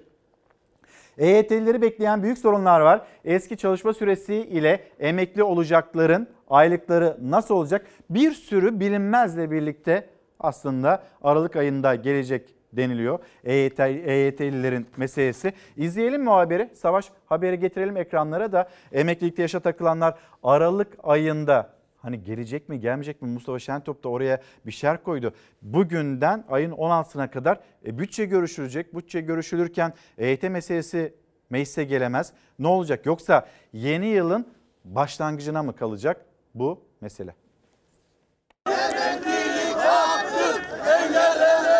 Biz Aralık'ta meclise intikal ettireceğimizi kamuoyuna açıkladık. Emeklilikte yaşa takılanlar için Çalışma Bakanımızdan en net duyduğumuz cümle Aralık ayıydı ve bugün Aralık'ın dördü. Bekliyoruz ki emeklilikte yaşa takılanlar için Çalışma Bakanımızdan bir açıklama gelsin. Daha evvelden de açıklamalar geldi ama o kadar kafa karıştıran açıklamalar oldu ki tek cümlesi Aralık ayı. Bekledik. Aralık ayı içerisinde 31 gün var. Hangi gün olacağını sabırsızlıkla bekliyoruz. EYT'liler umutla Çalışma Bakanı'nın işaret ettiği Aralık ayını bekledi. Ancak henüz takvim de belli değil EYT düzenlemesinin içeriği de. Patrona peş peşe müjdeler açıklanırken EYT'liler de en azından detaylar netleşsin istiyor. KGF'den uygun krediyle işverenlerin yalnız bırakılmayacağı müjdesini aldık. Kıdem tazminatı için kredi garanti fonu devrede olacak. Yani hazine destekli kredi verilecek patronlara. Emekli olduktan sonra çalışmaya devam etmek isteyen EYT'liler içinse prim farkı ödemeyecek işveren. Çalışma Bakanımız ne yaptı? İşveren sendikalarını dinlemeye başladı. Üç günde sorunlarını çözdü. Biz emeklilikte yaşa takılanların sorununu çözmek öncelikle işçiler için niçin değil de işverenler için sunuluyor? Bu soruyu biz soruyoruz Çalışma Bakanımıza. Meclis takvimine uygun bir şekilde bunları e, çalışıp meclisin gündemine getirmek istiyoruz. En e, kötü ihtimalle bunun e, 2023 başında yasalaşmasına hep beraber şahit olmuş olacağız. Meclisin çalışma takvimi içerisinde sadece bu 5 ile 16 arasındaki dönem var Aralık ayının. Bu dönemde sadece bütçe görüşülecek. Meclis Başkanı Mustafa Şentop sürecin uzayabileceğinin sinyalini vermişti. Çünkü arada bütçe görüşmeleri var. EYT'liler de zaten o bütçede yer almayı istiyor. Bizim hakkımızdan öteleyişler var. Kabul etmiyoruz. Çalışma Bakanımızın Aralık ayı süreci içerisinde dediği çalışmayı derhal ve ivedilikle açıklaması gerekiyor ki hayatımızı ne şekilde idame ettireceğiz? Bunun çözümü içerisinde olmalı. En çok da stajın başlangıç sayılmasını, askerlik ve doğum borçlanmalarının sigorta tarihini öne çekmesini bekliyor EYT'liler. EYT için net tarih 8 Eylül 1999. Yıpranma hakkı, doğum ve askerlik borçlanmaları olsa bile işe başlangıç tarihi geriye çekilemez. %100 yanlış bir beyanat. Kanunlar diyor ki bir kişinin işe başlama tarihinden önce askerlik varsa işe başlama tarihini geriye doğru götürür der. İşçinin, emekçinin hakkını verecekler beklentisi var mı derseniz açıkçası kaygıyla beklenti içerisindeyiz. Efendim bir kez daha günaydın. Haberlerimizi aktarıyoruz. Söylemiştim Deva Partisi Genel Başkanı Sayın Ali Babacan Çalar Saat'te misafirimiz konuğumuz olacak diye hem kendisi geldi, çaylarımız geldi. Bir sohbet de yapacağız. Günaydın. Nasılsınız? Yani teşekkürler sağ olun. Ben iyiyim. Siz nasılsınız? İyi sağ olun teşekkürler. Yoğun bir hafta geçti. Sizin için hafta sonu öyle geçti. Zaten her Evet. hafta sonu ve her gün böyle geçiyor galiba. Doğru, doğru. Hafta sonu Malatya'da ve Adıyaman'daydım. Ee, Her iki ilde de çok güzel programlar gerçekleştirdik. Nasıl geçti Dün gece için? ayağımın tozuyla İstanbul'a geldim. Hoş geldiniz. Hoş Bizim için geldiniz. Çok sağ olun. İyi, Mesela ga- gayet hem iyi. Malatya hem Adıyaman nasıl geçti? Orada karşılaştığınız ilgi nasıl değerlendiriyorsunuz? Bir sefer insanların artık korku duvarları yıkılmış durumda. Yani bundan e, iki sene önce her iki ile de gittiğimde insanlar çok daha tutuktu. Kendilerini ifade etmek konusunda çekimserdi. Fakat bu ziyarette gördüm ki hem Malatya'da hem de Adıyaman'da insanlar çok daha rahat bir şekilde kendilerini ifade ediyorlar. Artık bu korku ikliminin bitmekte olduğunu görüyorlar. Korku duvarlarının yıkıldığını görüyorlar ve çok daha rahat gördüm insanları. Yani bizim Malatya'da mesela iki sene önce yaptığımız sivil toplum kuruluşlarıyla ilgili toplantıda çok sayıda çekinen, gelmek istemeyen kuruluş Bu çekince- olmuş iken şu anda e, yani beklediğimiz tam üç misli insan geldi, salon doldu taştı falan böyle bir toplum böyle sivil toplum kuruluşuyla buluştuk. Bu Ha, çekinceyi siz niye bağlıyordunuz peki efendim? Malatya meydan biz miting değildi. Biz sadece Malatya'da parkta vatandaşlarımızla buluşalım dedik. Adıyaman'da da miting adı verdiğimiz etkinlikler değildi bunlar. Ama Malatya'da doğal olarak o parka gelen vatandaşlarımıza alanın tamamı Miting gibi tamamı oldu miting, sonra. miting gibi oldu öyle öyle. Yani çok çok memnunuz çünkü insanlar artık bir değişim istiyor. Değişim talebi çok çok kuvvetli.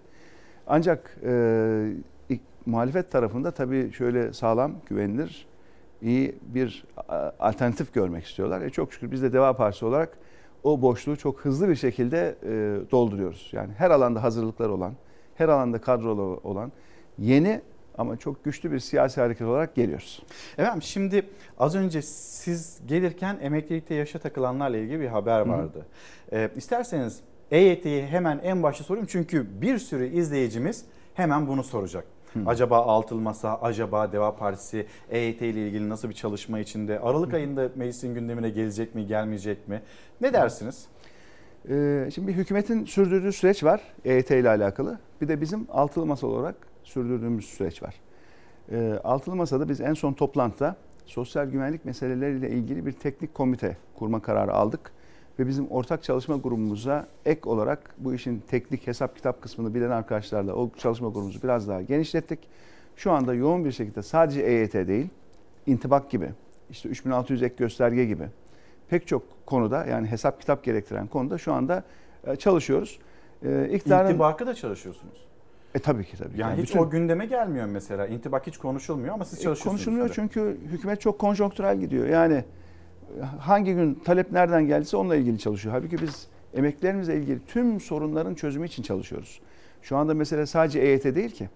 Bakın üretici fiyat endeksi bugün yeni rakam e, saat 10'da açıklanacak. Ancak geçen ayki rakam %158. %158 e, enflasyon, bu üretici enflasyonu. Cumhuriyet tarihinin en yüksek rakamı. Türkiye böyle bir enflasyon görmedi. Hiçbir zaman görmedi. TÜFE %85,5'tu geçen ay açıklanan son 24 yılın en yüksek enflasyonu. Bunlar TÜİK'in açıkladığı rakamlar. Herkes biliyor ki TÜİK'in açıkladığı rakamlardan çok daha yüksek bir enflasyon var şu anda Bir Türkiye'de. tahmin alayım mı o zaman efendim? Sizce saat TÜİK 10'u gösterdiğinde saatler acaba TÜİK nasıl bir enflasyon veriyor? Yani 85.5'in üstünde mi altında mı açıklayacak? Şimdi TÜİK'in açıkladığının hiçbir kıymeti yok ki. Çünkü gerçek rakam değil. Sorun orada. E, TÜİK %85 açıklamış tüfeği geçen ay. E, gerçek enflasyonun en az %200 olduğu konusunda herkes mutabık. Yani alışverişe giden, şöyle kendine bir üst baş alan, e, en temel gıda ihtiyacı için şöyle bir marketleri gezen, pazarı gezen herkes görüyor ki Türkiye'de şu anda enflasyon en az %200. Yani 1 lira olan fiyat olmuş 3 lira. Şimdi TÜİK ne açıklarsa açıklasın. Bugün Ama saat zamlar ona 10'da göre açıklayacağının yapılacak hiçbir işte tam da oraya geleceğim. İşte emeklilerimizle ilgili en önemli sorun şu anda e, gerçek enflasyonun %200 civarında iken TÜİK'in bunu çok daha düşük açıklaması ve emekli zamlarının artışına da bunun baz alınması. Sadece emekli değil. Asgari ücret için de aynı. Memur maaşları için de aynı. Zaten son iki yıldır sabit ücretli bütün vatandaşlarımızın satın alma gücünde çok derin bir kayıp var. Enflasyon yoluyla büyük bir kepçeyle herkesin cebinden önce alındı. Gerçek enflasyon yoluyla. Sonra TÜİK'in açıkladığı uydurma düşük enflasyonla geri kaşıkla herkese zam veriliyor. Yani kepçeyle alınan e, satın alma gücü tekrar kaşıkla dağıtılmaya çalışıyor. Dolayısıyla sabit gelirli kim varsa Türkiye'de şu anda çok büyük bir refah kaybı yaşamakta. Ve e, Türkiye'de şu anda mutlu olan bir kesim var. O da zaten parası olanlar. Çünkü zaten parası olan kesime hükümet bu yıl 650 milyar liralık daha transfer yapıyor. Hangi isim altında yapıyor? Bir, faiz. iki kur farkı. Kur korumalı mevduat diye bir şey uydurdular biliyorsunuz. Rahmetli Özal'ın gençlere vasiyetimdir. Asla bu ülkeye böyle bir zarara bir daha sokmayın dediği, kendini uyanık zannedenlerin dalaveresidir dediği bir sistemi 40 sene sonra getirdiler tekrar kur korumalı mevduat diye uygulamaya başladılar. Bu yıl 350 milyar faiz, yaklaşık 320 de kur korumalı mevduatı ödeyecekler. Kur farkı 650 milyarlık bir faiz ödemesi var. Aslında ne şunu, kadar büyük efendim. Şimdi mesela bunu hemen ben Merkez size Bankası gösterebilirim. Başkanı'na soruluyor. E, kur korumalı mevduat sistemine Merkez Bankası'ndan ne kadar bir kaynak aktarıldı ya da hani ne kadar çıktı kasamızdan diye. E, buna yanıt vermedi mesela Şapka Avcıoğlu. E, vermedi ama biz hesap ediyoruz. Hesabı çok zor değil. Çünkü toplam kur korumalı mevduatı biliyoruz ya. Döviz kurunu da biliyoruz. Çarpınca hesap çok basit çıkıyor yani. Bilinmeyen bir şey değil. Biz hesap ettik zaten. Şu 2022'de ödenen faiz ve kur farkı bakın. Evet efendim. Bu 330 üzerine bir de 320 koyuyoruz. Toplam 650 milyarlık. Ha, büyük işte burada. geldi. Ekranda burada. yansıdı. Evet. Buyurun efendim gelebilirsiniz. Şimdi bu seneki e, bütçedeki faiz rakamı bu. Kur farkı da bu. Bunu Merkez Bankası'yla alakalı rakamı da hesap etmek çok basit. Çünkü ay sonu ay başı toplam ne kadar mevduat var, kur ne kadar artmış çarpıyorsunuz tık diye çıkıyor. İstedikleri kadar söylemesinler yani. Çünkü ödüyorlar. Millet alıyor parayı ne kadar aldığını da biz biliyoruz. Dolayısıyla toplam 650 milyar ediyor. Bu Cumhuriyet tarihinin en büyük faiz ödemesidir. Ve yeni icat ettikleri kur farkında üzerine ekleyince 650 milyar ediyor. Bu 650 milyar ne kadar büyük bir para biliyor musunuz? Tam 1 milyon tane konut yapabiliyorsunuz. Bedava. Ve bedava. Peşinat falan almadan insanlara bunu vermek mümkün. Şimdi TOKİ proje açıkladı.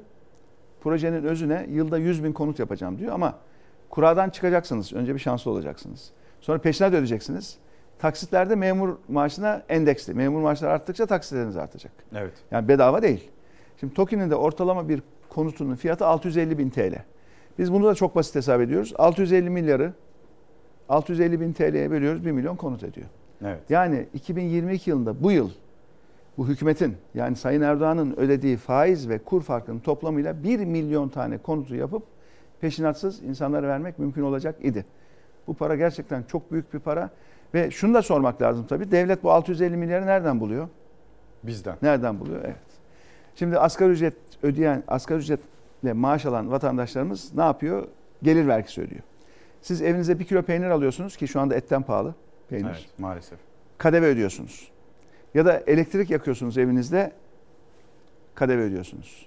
Alo diyorsunuz cep telefonunuzda özel iletişim vergisi ve KDV ödüyorsunuz. Bütün 85 milyondan vergiler toplanıyor, toplanıyor, toplanıyor. Bir avuç zaten parası olan insana faiz ve kur farkı olarak ödeniyor.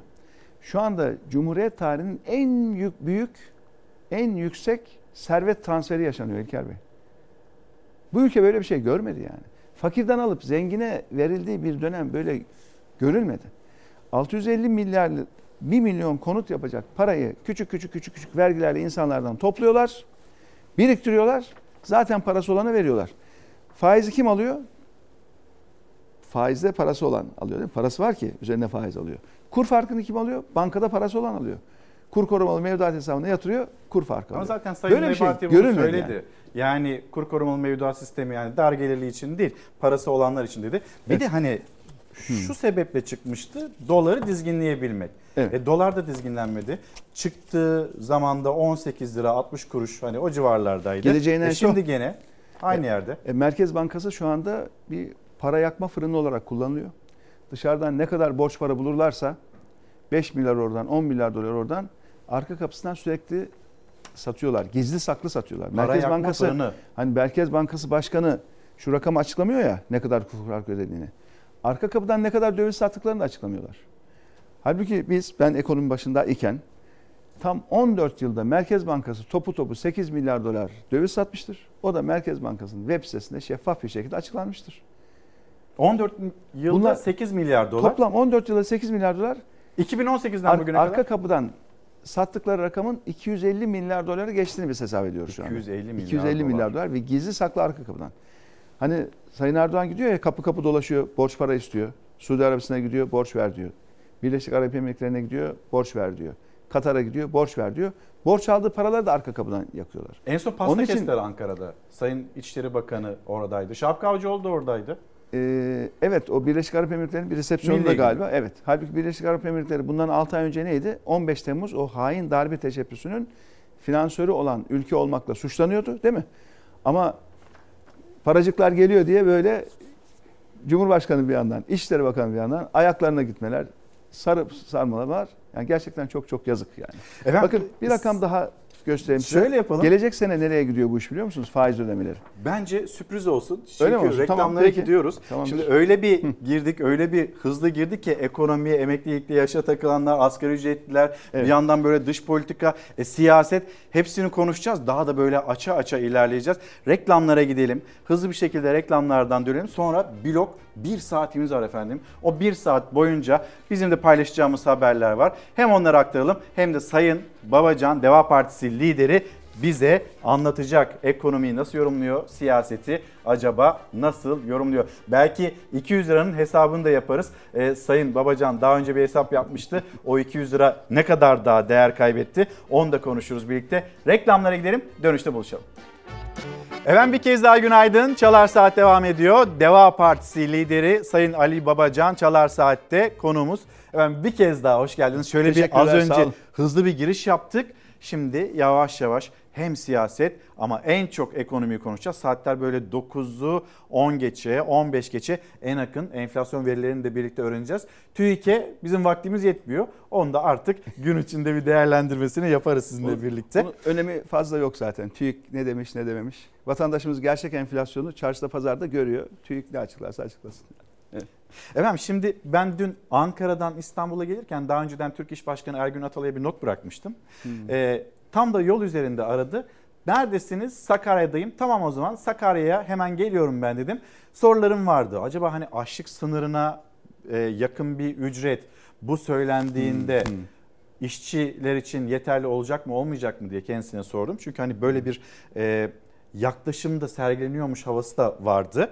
E, toplumda böyle bir beklenti de mi olacak gibi bir yaklaşım vardı. Türk İş Başkanı'na sordum. Siz buna tamam diyor musunuz? Açlık sınırına hani tamam diyecek misiniz diye.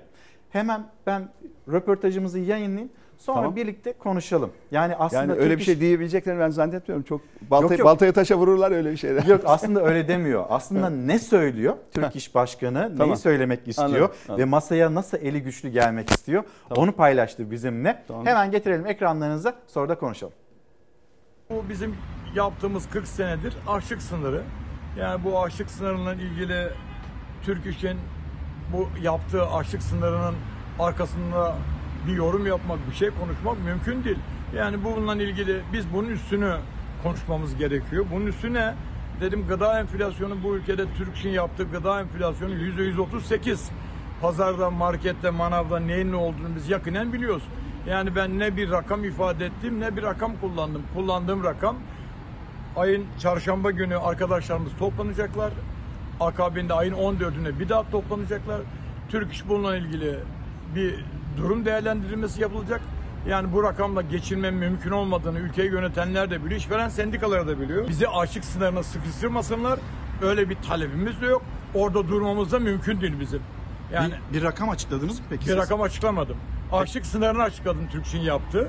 Açlık sınırının üstünde gıda %138 bunu oturup bunu görüşmek lazım. Peki böyle mesela bu açıklamalarınız sanki bir yazılı açıklama yaptığınızda... Ne yazılı sonrasında- ne sözlü hiçbir açıklamam yok. Yani o gün ne dediysem bugün de aynısını söylüyorum. Yani bununla ilgili ne o gün ne dedim bugün de aynısını ifade ediyorum. Yani ne bir açıklama yaptım ne bununla ilgili açlık sınırı budur bu rakam olsun böyle bir ifadem olmadı hiç. Efendim şimdi e, 7785, 7700, 7800 açlık sınırı bizi kimse açlık sınırına sıkıştırmasın. Bunun üzerinden de bir düşünce oluşturulmasın. Hassas da bir konu. E, kendisini de e, anladığım ve gördüğüm üzüldüğü bir konu. Çünkü bizim dikkat çektiğimiz konu %138'lik gıda enflasyonu. Çünkü vatandaş başka bir şey alamıyor. Öyle büyük harcamaları yok. Gıdasına bakıyor. Bir açlık sınırı, e, bir asgari ücret belirlenecekse böyle belirlenmesi gerekiyor diyor. Siz ne dersiniz? Yani asgari ücret ne olmalı? Bu %138 de TÜİK'in rakamı. Eğer siz TÜİK'i referans alırsanız bu ülkede yoksulluk çoğalır, sabit gelirli herkes kaybeder. Dolayısıyla gerçek enflasyonu baz almak gerekiyor. Bizim asgari ücretle de ilgili, emekli maaşıyla da ilgili, memur maaşıyla da ilgili ölçümüz şu. Gerçek enflasyon artı refah payı. Hükümet şu anda ekonominin büyüdüğünü iddia ediyor değil mi? Evet. Ama ücretlinin aldığı pay ekonomi içerisinde küçülüyor. Şöyle bir ölçümüz var bizim belki sizin ekranda da olabilir. Milli gelirden iş gücü ne kadar pay almış, sermaye ne kadar pay almış, son iki yılda ne kadarlık bir değişim var bakın. Sadece son iki yılda. İş gücünün aldığı pay %37'den %25'e düşmüş, sermayenin aldığı pay %43'ten %54'e çıkmış. Bu TÜİK'in rakamı. Buna da inanıyorsak. Ha, ekranda da var şimdi bakın.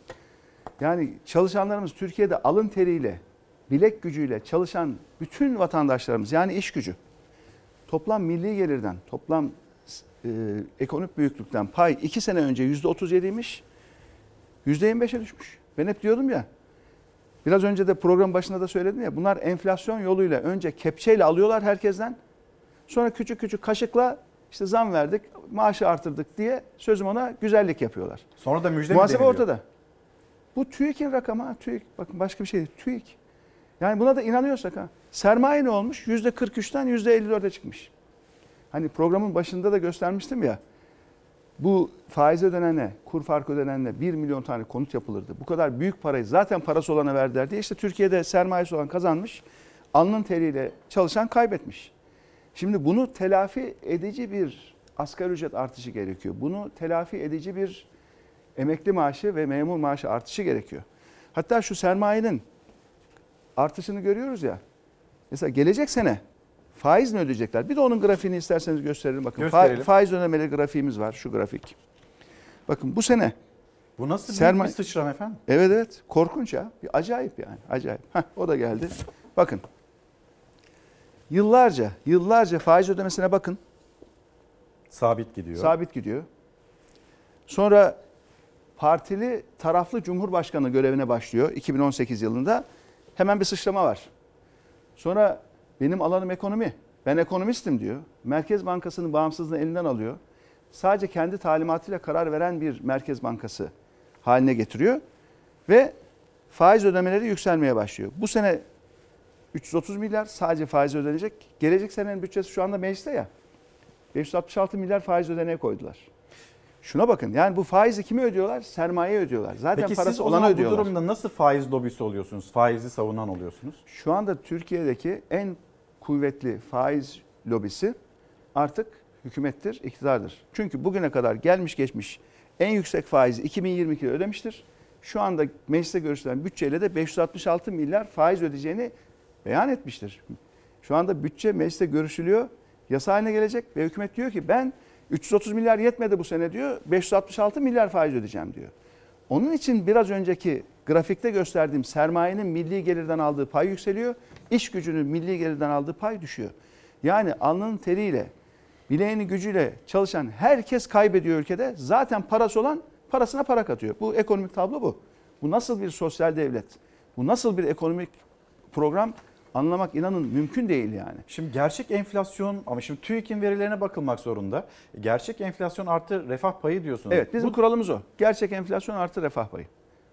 Peki Kuralı. bu, burada bir rakam çıkıyor mu? Sizin hesaplamalarınız bir sürü de çalışmanız var tabii. Her konuyla ilgili çalışmanız Her var. konuda, her konuda bu tabii nihai rakam ilgili taraflarla yani hükümetin, sendikaların ve işveren temsilcilerinin oluşturduğu bir yapıyla nihai rakam tespit ediliyor. Çünkü şunu da unutmayalım ki asgari ücret aslında devletin ödediği bir rakam değil. Asgari ücret aslında özel sektörün ödediği bir rakam. Evet. Yani aslında hükümet ben asgari ücreti artırdım derken bu asgari ücreti kendi cebinden ödemiyor. Asgari ücreti işverenin cebinden ödüyor. Dolayısıyla bu asgari ücret tespitlerinde buna da dikkat etmek gerekiyor. Yani bunun nihai ödeyicisi özel sektör, asgari ücretin nihai ödeyicisi. Dolayısıyla burada e, özel sektör, işçi temsilcileri ve hükümetin beraberce bu kararı alması gerekiyor. Biz sadece onlara bir formül veriyoruz. Çok kıymetli bir formül. Diyoruz ki gerçek enflasyonu alın. Hiç kimse bir sefer gelir kaybına uğramasın, mağdur olmasın ama TÜİK enflasyonu değil gerçek. Üzerine bir de refah payı koyun çünkü hükümet ne diyor? Ekonomi büyüdü diyor. E büyüdüyse bu büyümeden bizim işçimiz de pay alsın, memurumuz da pay alsın, emeklimiz de pay alsın. Yoksa ekonomiden sadece ve sadece sermaye daha çok pay alıyorsa bu sosyal devlet değildir. Bu enflasyon yoluyla yapılmış bir hırsızlıktır ben açıkça söyleyeyim. Yani şuradaki bu iş gücünün milli gelirden Enflasyon payının yoluyla yapılmış bir hırsızlıktır. Tabii şu diyorsunuz. 37'den 25'e düşmesi aynen öyle. Enflasyon yoluyla sabit gelirli bütün vatandaşlarımızın cebinden çalınmıştır bu para. Yani bu niye düşüyor? Çünkü enflasyon artıyor. Gerçek hayat çok pahalı artık. Fakat insanlarımızın geliri o kadar artmıyor. O kadar artmayınca da toplam ekonomiden aldıkları pay düşüyor.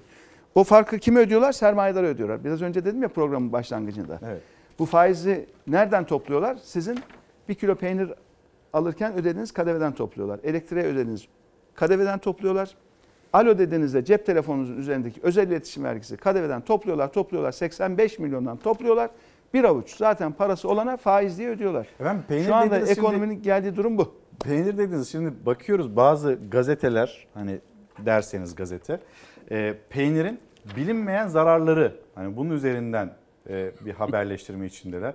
Hani bu pahalılığı haber yapamayanlar peynirin zararlarından hani vatandaş aslında uzak dursa iyi olur mu diyorlar. Ne diyorlar?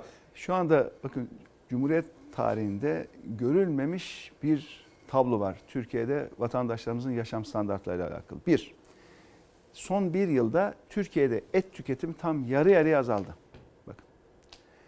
Çünkü et çok pahalı. Eş zamanlı olarak da bir kilo peynirin fiyatı bir kilo etin fiyatını geçti. Zaten çok pahalı olduğu için ve vatandaşlarımızın artık alamadığı yarı yarıya toplamda tüketimini azaltmak zorunda kaldıkları etten daha pa- pahalı bir peynir piyasası var. E şimdi ne oluyor? Yandaş medya kuruluşları zaten peynir tukaka. Zaten sağlığa da zararlıymış efendim. Yemeği verin. Madem pahalı siz de yemeği verin. Şimdi bu inanın artık vatandaşın aklıyla alay etmek başka bir şey değil. Hiç kimse kusura bakmasın ya. Bu ülkede bir peynir ekmek kavramı vardır değil mi? Yani hiç yiyecek bulamazsan bir peynir ekmekle karnını doyurursun diye bir kavram vardır. Mideni bastırırsın. Şimdi ekmeğin, ekmeğin fiyatı olmuş 5 lira ülkenin çoğu yerinde. Peynirin fiyatı geçmiş eti. E bir peynir ekmek bile yiyecek vatandaşımızın artık bunu bile karşılayacak gücü yok. Bunu bile satın alacak gücü yok. Gerçekten ülkeyi düşürdükleri ekonomik felaketin belki de en iyi örneklerinden bir tanesi de bu. Yani bunlar ne kadar ne anlatırlarsa anlatsınlar. Uçuyoruz, kaçıyoruz, şöyle olacağız, böyle olacağız. Seçime şurada 6 ay kalmış. 4,5 yıldır ekonomiyi batırmışlar.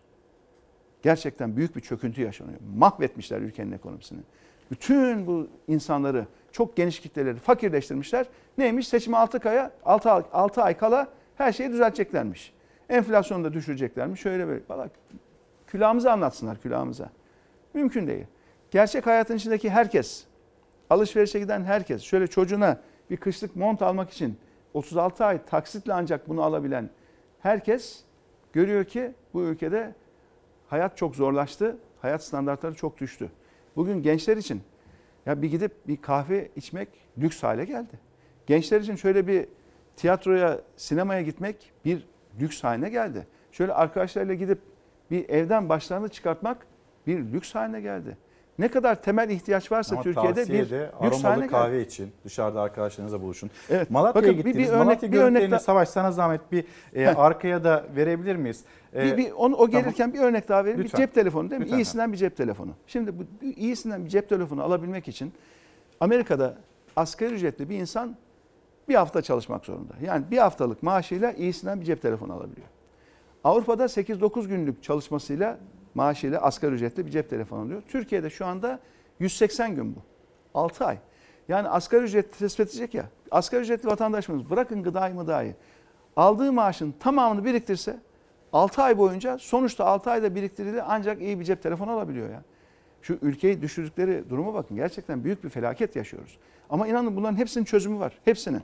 Çözümleri de biraz sonra konuşuruz ederiz ama Konuşalım. herhalde Malatya'ya Ee, bir dönelim şöyle. ben sizin- Malatya'ya bir gidip Ben gelelim. önce sizin bir moralinizi düzeltmek istiyorum. Ekonomiyle ilgili e, böyle hani çok sıkıntılı sözler söylüyorsunuz. Daha önceden de ekonomi başındaydınız. Hani belki de sizin o kadar çaba gösterdiğiniz ekonominin geldiği yerle ilgili de itirazlarınız vardır. Ona da üzülüyorsunuzdur. Şimdi mesela Milliyet İçim, Gazetesi'nin içim yanıyor içim.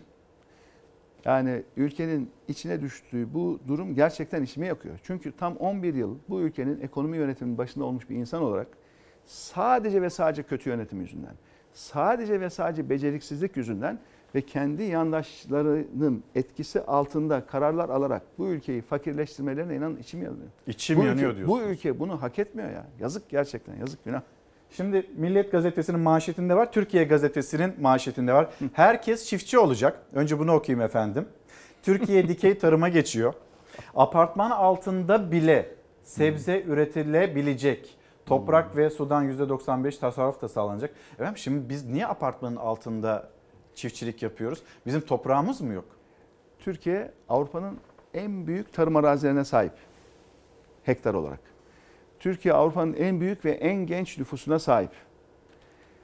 Ve böyle bir ülkenin öyle apartman altında falan olabilir, yapılabilir ama asıl büyük potansiyel bizim tarım arazilerimizde. Siz o arazilere suyu bir götürün, nasıl verim alınıyor görün. İşte bizim bir nolu eylem planımızda, tarım eylem planımızda açıkladık. Dedik ki 5 yılda Türkiye'deki bütün sulama projelerini tamamlayacağız dedik. Gübrenin yarısını devlet olarak biz ödeyeceğiz dedik. Yem parasının yarısını devlet olarak biz ödeyeceğiz dedik. Bütün eski borçların faizini silip dondurup zamana yayacağız dedik. Elektriği ve mazotu çiftçimize özel düşük fiyattan vereceğiz dedik. Enflasyonu düşürmenin yolu bakın burada. Siz maliyetleri aşağıya çekeceksiniz. Maliyetleri aşağıya çekmeden enflasyon aşağı inmez. Bu nedir? İşte üretim bollaşacak, enflasyon düşeceğin hikayesi yani. O hikayeyi çalıyorlar. Halbuki Ha belki de bunun yolu- empatidir. Çiftçiyle bir empati kurun. Onlar nasıl üretiyor? Hani onların üzerindeki maliyet baskısını sizler de anlayın. Şimdi şurada da büyük tezat var bakın. Şu anda Türkiye'de kargas etin fiyatını kim belirliyor? Asıl maliyet orada ya et deyince. Hükümet. Hükümet. Türkiye'de sütün fiyatını kim belirliyor? Süt alım fiyatını? Hükümet. Türkiye'de buğdayın fiyatını kim belirliyor? Hükümet. Şekerin fiyatını kim belirliyor? Hükümet. Bütün ana ürünlerin fiyatını hükümet belirliyor. Bunların hepsine zam gelmiş durumda.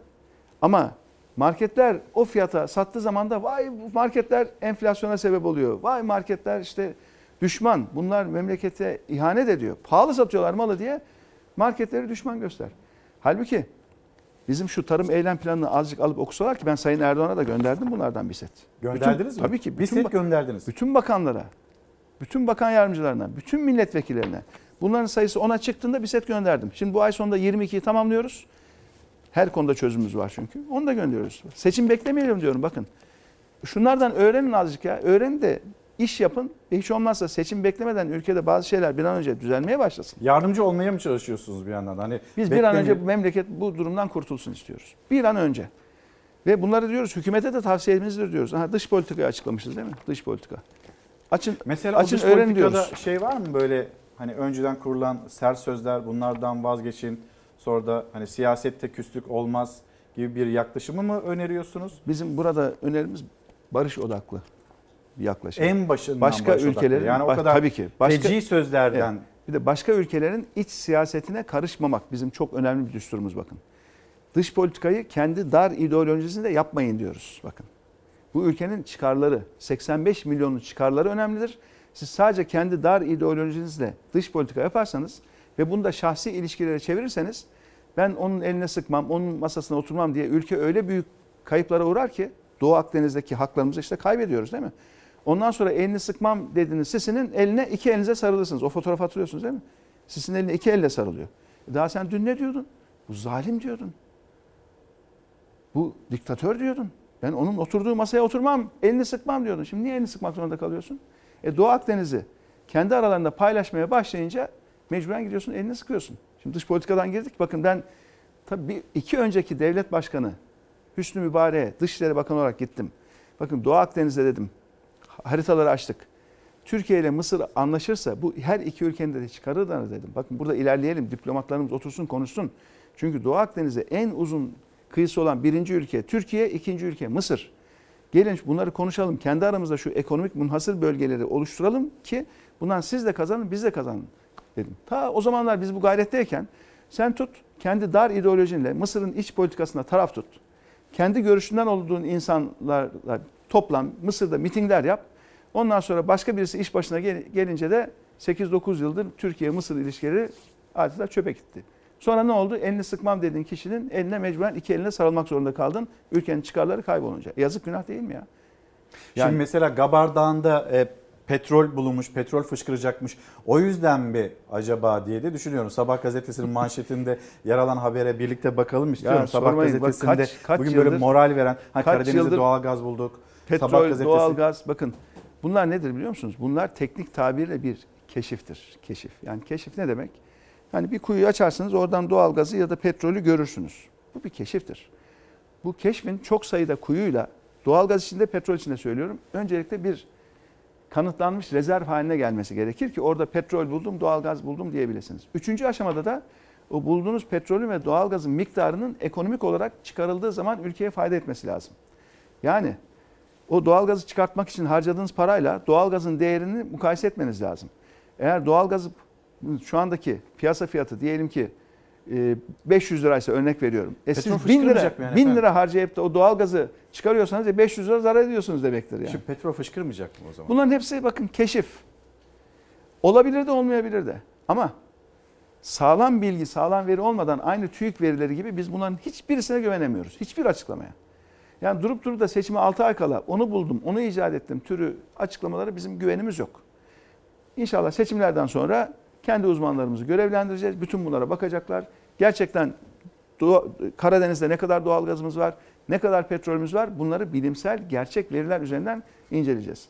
TÜİK bu ülkedeki enflasyonu %85 açıklarken, gerçek enflasyon %200 iken 85 milyonun gördüğü bir gerçeği devlet şu anda vatandaşlarından gizlemeye çalışırken e, sadece uzmanların anlayacağı bir konuda atılmış bir manşete bizim hiçbir güvenimiz yok. Kusura bakmasınlar.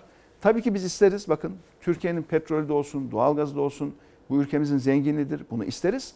Ama e, yalan söylemeye alışmış, vatandaşı yanıltmaya alışmış bir hükümetin hele hele seçime 6 ay kala açıkladıklarına bizim hiçbir güvenimiz yok. Ama seçimden sonra bunların gerçeklerinin hepsini de gözler önüne sereriz. Açarız Şimdi- bakarız uzmanlarımızı görevlendiririz, göndeririz Karadeniz'e, göndeririz Türkiye'nin dört bir tarafına. Ne kadar gazımız var, ne kadar petrolümüz var dürüstçe, dost doğru bir şekilde vatandaşlarımıza paylaşırız.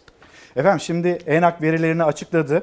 İsterseniz hemen bir birlikte bakalım. Hemen ekrana da yansıtalım. ENAK'ın yani bağımsız araştırma grubu akademisyenler aylık ve yıllık olarak enflasyonu paylaştılar. Hemen getirelim. Efendim bir önceki aya göre %170. Hani böyle bir, Bir enflasyon yıl- yıla göre. yıla göre Yıla göre. %170'lik bir enflasyon çıkıyor. Şimdi İTO aylık olarak %3.10 açıkladı. Yıllık enflasyon %108'den %105'e geriledi.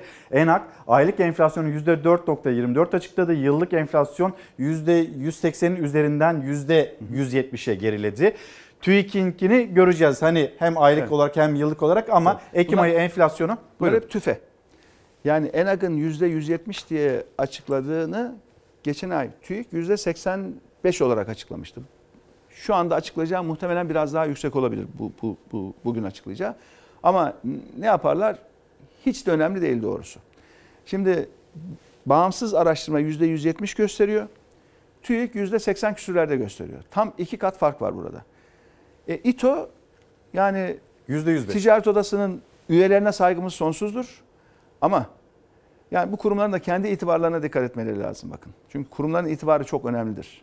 Yani bugünkü hükümetle arayı iyi tutayım diye hükümetin etkisinde hareket etmesi meslek kuruluşlarımızın ve sivil toplum kuruluşlarımızın son derece yanlıştır. Dolayısıyla bütün vatandaşlarımızın gördüğü bir gerçeği meslek kuruluşlarımızın örtmeye çalışması onlara yakışmaz. Yani yarın bu hükümet olur, döner başka hükümet olur ama kendi itibarları önemlidir. İstanbul gibi Türkiye'nin en büyük ticaret camiasının olduğu bir kurumun temsilcisinin e, ne açıkladıklarına dikkat etmeleri lazım, o kurumun itibarlarına dikkat etmeleri lazım. Unutmayalım ki son seçimde Sayın Erdoğan'ın şu andaki yönetime çok açık desteği oldu. Yani açıkça hükümetten yana bir tutum aldılar. Hükümet de onları destekledi. Böyle bir yönetim oluştu İTO'da. Dolayısıyla bugün böyle olur, yarın başka türlü olur ama İstanbul ticaret erbabının itibarına dikkat etsinler. Çünkü ticaret güvendir, ticaret itibardır. İtibar ve güven ancak doğruyu söylemekle oluşur. Dolayısıyla e, bu arkadaşların da dikkat etmesi lazım ne yaptıklarında. Anlıyoruz üzerinde her türlü baskı olabilir, teşvik olur, tehdit olur, her şey olabilir ama itibar kolay kolay kazanılmaz, çok çabuk kaybedilir. Dolayısıyla vatandaşlarımızın alışverişe çıkan herkesin bildiği gerçek neyse dürüst bir şekilde, doğru bir şekilde herkesin o gerçek enflasyonu ölçmesi gerekir. Bunun yolu bu. Efendim vatandaş da tabii kendi enflasyonunu ölçüyor. İşte o markete gidiyor, o sonra öbür markete gidiyor, sonra tarım krediye gidiyor. Bir kıyaslama yapıyor. Biz de bir kıyaslama yapalım. Çünkü e, hani marketler, zincir marketler enflasyonu onlar yükseltiyor. Böyle bir yaklaşım FETÖ'cülük suçlaması da getirildi. MHP liderinden gelen açıklamalar vardı. Şimdi tarım kredi e, bir sepet yapılmış. Gazete Pencere'den hafta sonunda Gazete Pencere'den almış olduğum bir görsel. Hmm. Şimdi o sepette mesela zincir marketlerde 397 lira 20 kuruş ediyor. O sepet topladığınızda işte ayçiçek yağı var, çay var, fasulye var, makarna, margarin var. E gidiyorsunuz Tarım Kredi Kooperatifinden yapıyorsunuz o alışverişi. 394 lira 55 kuruş. Yani aradaki fark 2 lira 65 kuruş. Bu Sayın Erdoğan'ın büyük bir proje olarak açıkladığı kendi marketleri biliyorsunuz. Yani devletin marketleri değil mi? Şimdi bu zincir marketlere denetimi yolluyorlar. Baskın yapıyorlar, mühürlüyorlar, kapatıyorlar. Çünkü bunlar düşman. Enflasyonun sebebi bu. Yani kendilerinde hiçbir kusuru yok. Sanki döviz kurunu patlatan zincir marketler. Ee, taban fiyatlarını belirleyen sanki zincir marketlermiş gibi. Bizim suçumuz yok. Marketlerin suçu diyorlar. Yani ne diyorlar? Bir bakıma bütün projektörler hükümetin üzerinde enflasyonu sen yaptın, sen yaptın diyor. Onlar da aynayı ellerine tutuyor. Aynayla o ışığı, projektörü zincir marketlere yansıtıyor. Yok yok diyorlar bak bunlar enflasyona sebep oluyor. İşte kendi marketleri. Rakama bakın ya. Yani yüzde bir bile fark yok arada. Yani bir yıllık enflasyon düşünün. İşte yüzde 200'e yaklaşmış bir yıllık enflasyon düşünün. Yüzde 200 içerisinde bir puanlık bir fark var. Peki ben şimdi soruyorum buradan Sayın Erdoğan'a şu tarım krediye hangi müfettişleri gönderecek? Belediye başkanları şu an iktidara yakın ya da iktidar mensubu belediye başkanları tarım krediye hangi zabıtaları gönderecek ki onları da mühürletecek? Çünkü bunlar da pahalı satıyormuş bak aynı fiyat değil mi? Şimdi inanın büyük bir garabet var burada. Ama bunlar insanların aklıyla alay ediyorlar. Bir de istifa geldi Yani- efendim. Perakendeciler evet, Derneği'nden. evet, E, evet. haberimiz hazır bir izleyelim. O Evet. istifa ile ilgili de düşüncelerinizi almak istiyorum. Tabii ki Buyurun. olur.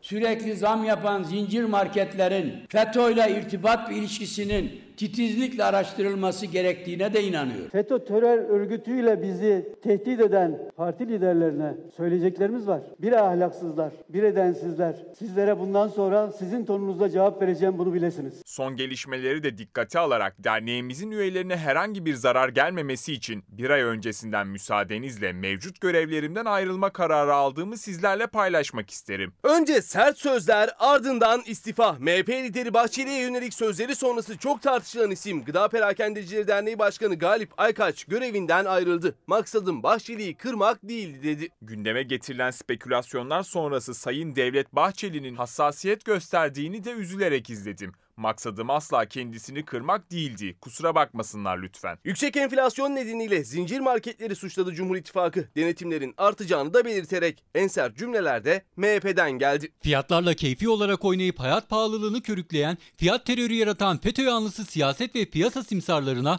aman vermeyeceğiz. Bizi hedef gösterenlere diyorum ki başaramayacaksınız. Sert sözlere yine aynı tonda yanıt vermişti Gıda Perakendecileri Derneği Başkanı. Artan maliyetleri de anlatarak. Mağazalarımızın %97'si kiralıktır. %3'ü kendimize aittir. O %97'ye her bir dükkan ödediğimiz kiradan daha fazla elektrik parası öder hale geldik. O sözlerden sonra tartışmalar daha da alevlendi ve Gıda Perakendecileri Derneği Başkanı görevinden istifa kararı aldı.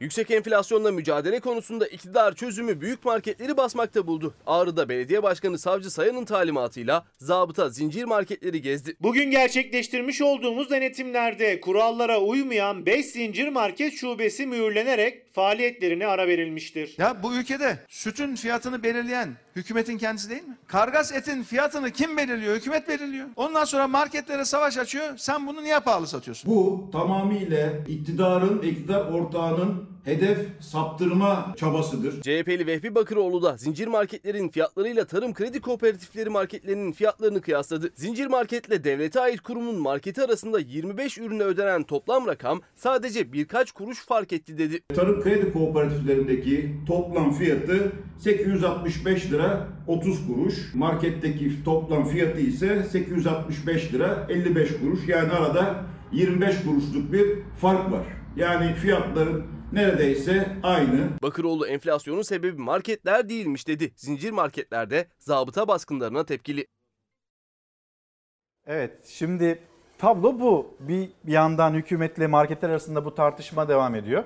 Ama diğer tarafta da tarım kredi kooperatiflerinin de ucuz olduğunu söyleyebilmek mümkün değil. Yani orada bir alım gücü yaşanıyorsa burada da bir alım gücü yaşanıyor. Siz de diyorsunuz ki e, müfettişler gidecek mi buraya? Evet hemen gitmesi lazım. Çünkü fiyatlar 3 aşağı 5 yukarı aynı. Hemen müfettişlerin gidip Sayın Erdoğan'ın açtığı, açtırdığı marketleri hemen bir teftiş etmeleri Bu lazım. istifayı ne diyorsunuz efendim? Ee, Şu anda Türkiye öyle bir dönemde ki doğruyu söyleyeni 9 köyden kovuyorlar. Yani çıkıp da bir sivil toplum kuruluşunun başındaki insan, bir meslek örgütünün başındaki insan açık bir şekilde doğruları konuşmaya başladığı zaman bu hükümetin işine gelmiyor. Ve hemen düşman ilan ediliyor. Hele hele işte tablo ortadayken, bakın şu tablo ortadayken bu zincir marketlerin de, perakendecilerin de temsilcisi olan bir derneğin başındaki insan ne diyor? Ya diyor bu enflasyon sebebi biz değiliz diyor. Maliyetler arttı diyor. Maliyetler, hatta diyor eskiye göre bakın üfe, üretici fiyatları çok arttı. Tüketici fiyatları o kadar artmadı. Aradaki farkı da, da diyor biz kapatmaya çalışıyoruz diyor. Ama hemen vay sen hükümete karşı nasıl böyle bir söz söylersin? Hemen Sayın Bahçeli giriyor devreye. Değil mi? Sayın Bahçeli bu aralar valla e, Erdoğan'a şunun kellesini uçur dediğinde hemen Erdoğan hizaya girip hemen kellesini uçuruyor. Mayrunal'a yaptılar mı? yaptılar. Şimdi bu, bu arkadaşı yaptılar mı? Yaptılar. Burada tabii sadece hükümet baskısı da değil. Yani Bahçeli'nin biliyorsunuz yani hukuk dışı böyle yasa dışı bir çevresi var. Hani hapistekilerle poz veriyor ya, hapisten çıkarttıklarıyla poz veriyor ya. Öyle de bir halka var etrafında. Ha, hükümetin yavaş davrandığı durumlarda da hemen o başka kanalları devreye sokuyorlar. Düşündüren de bir tablo var efendim. bu Sizin insanı biliyorsunuz. Bu insanı tehdit istifa te- getirdi ha, diye. tehdit Mesela ettiler. işte hani Ha. Galip Aykaç'la ilgili Evet, evet. organize suç örgütü lideri Kürşat Ha. Yılmaz'ın tehditleriyle karşılaştı Şu kendisi. işe bakın ya. Hukuk devletinde böyle bir şey olur mu? Ama ülkeyi bu hale getiren bakın bunların hiçbiri önemli değil. Bu ülkeyi bu hale getiren Sayın Erdoğan. Hukuksuzluğa göz yuman. Bu yasa dışı suç örgütlerine kapıyı aralık bırakan ve onlarla adeta ortağı üzerinden bir işbirliği, bir ortak hedef için çalışan Sayın Erdoğan'ın kendisi. Çünkü şu anda tek imza onda. Yetki onda yani. Anayasa bir tek ona yetki vermiş. Ama öyle bakıyoruz, öyle bir durum var ki şu anda. En son 2018 seçimlerinde bizim vatandaşlarımız gitti Sayın Erdoğan'a oy verdi. İktidarın anahtarını verdi. O da gitti anahtarı Bahçeli'ye teslim etti. Bu. Yoksa Bahçeli kalsın dediği bakan kalıyorsa, gitsin dediği grup başkan vekili gitsin diyorsa bu nasıl iktidar, nasıl e, Peki bu ülkeyi AK Parti yönetmek anlamı? mesela bir rahatsızlık yaratıyor mu? Size gelen eski arkadaşlarınızdan mesajlar AK var mı? Parti içerisinde tabii ki rahatsızlık yaratıyor. Ama en önemli rahatsızlığı da 2018 seçimlerinde AK Parti'ye oy vermiş vatandaşlarımız da yaratıyor. Yani vatandaşlarımız gerçekten bir beklentiyle ya bu ülkedeki haksızlık, hukuksuzluk sona ersin. Bu ülkedeki adaletsizlik sona ersin. Bu ülke bu çıkmazdan kurtulsun diye Sayın Erdoğan'a destek verdi. Ama Sayın Erdoğan da tuttu ülkeyi 3 Y'ye tekrar mahkum etti. Hatırlayalım. ilk çıkıştaki iddia neydi? Yolsuzlukla mücadele. Yasaklarla mücadele, yoksullukla mücadele değil mi? E şu anda Türkiye'de yoksulluk var mı? Var. Yolsuzluk var mı? Var. Yasaklar var mı? Hem nasıl var? Dolayısıyla 3Y ile mücadele et diye vatandaşlarımızın verdiği desteği Erdoğan döndü dolaştı. Tekrar Türkiye'yi 3Y'ye mahkum edecek bir noktaya maalesef getirdi. Biz onun için diyoruz artık yoruldu diyoruz. Şu anda çok yorgun bir iktidar var Türkiye'de. Bu işi tadında bırakması gerekiyordu. 2015 yılında Sayın Erdoğan'ın 3 dönemi doldu. Yani AK Parti'nin kuruluşundaki o akitleşmedeki genel başkanın süresi 3 dönemdir. Kuralını bozdu. 2014'te ne diyordu? Teşkilatımızda metal yorgunluğu var diyordu. Sizin Teşkilatımızı değiştireceğiz. Bu diyordu. dönem kuralı ile ilgili değil mi? Ya. Sayın Erdoğan'la. Hı. Yani ben de zaten bırakacağım. Sonra ne oldu da? Ha, evet evet 2011'de ben ayrılmak istediğimde dedi ki ikinci dönem sonuydu.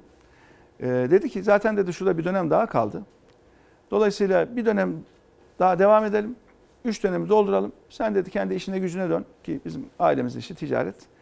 Ben de dedi vakıflarla uğraşırım. Bir şey yaparım kendime plan yaparım dedi ama şu üç dönemi beraber tamamlayalım dedi. Niye? Çünkü 2011'de gerçekten Avrupa kriz yaşarken Türkiye ekonomisi bambaşka bir yerdeydi kendini farklılaştırmıştı. Türkiye dünyanın yıldızıydı. E ben de o ekonomi ekibinin başındaydım. Başbakan yardımcısı olarak. Dolayısıyla o ortamı muhtemelen bozmak istemedi. Bir sıkıntı olacak diye korktuk herhalde. E, bana öyle dedi. Ama Ama sonra? ama 2015 yılına geldik. Ne oldu? Kendisi Cumhurbaşkanı seçildi ama partinin genel başkanlığı, fiili genel başkanlığını hiç bırakmadı.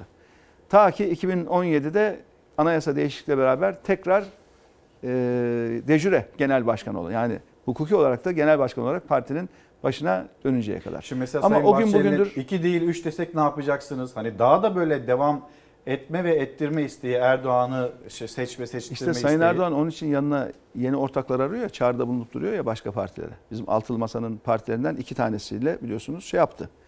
Bakalım sıra şimdi kimde? Yani bir parti denedi olmadı. İkinci parti denedi olmuyor. Bakalım altılı masadaki partilerden kime nasıl şey yapacak? Çünkü belli ki ortağından memnun değil. Yeni bir ortak bulsa belki bu ortağı biraz şöyle kenara koymak isteyebilir önümüzdeki seçimlerde.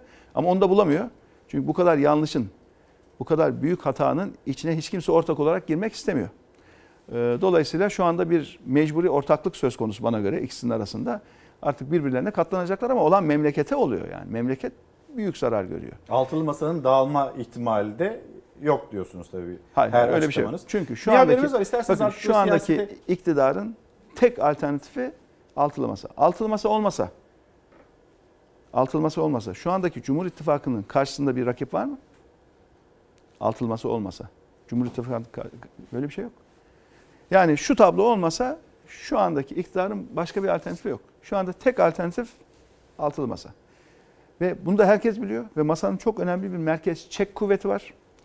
Çünkü e, herkes biliyor ki bu masadan kim kalksa kendi başına %50 artı bir alamayacak. Kendi başına mecliste 360 milletvekilini alamayacak ama masa hep beraber olduğunda, güç birliği yaptığında Cumhurbaşkanı adayımızla vatandaşlarımız destekleyecek. Biz buna inanıyoruz. %50'nin çok üzerinde bir oyla bizim ortak adayımız 13. Cumhurbaşkanı olacak ülkenin. Aynı zamanda da beraberce toplam milletvekili sayımızda 360'ın üzerinde olacak ve anayasayı değiştirecek bir güce ulaşacağız.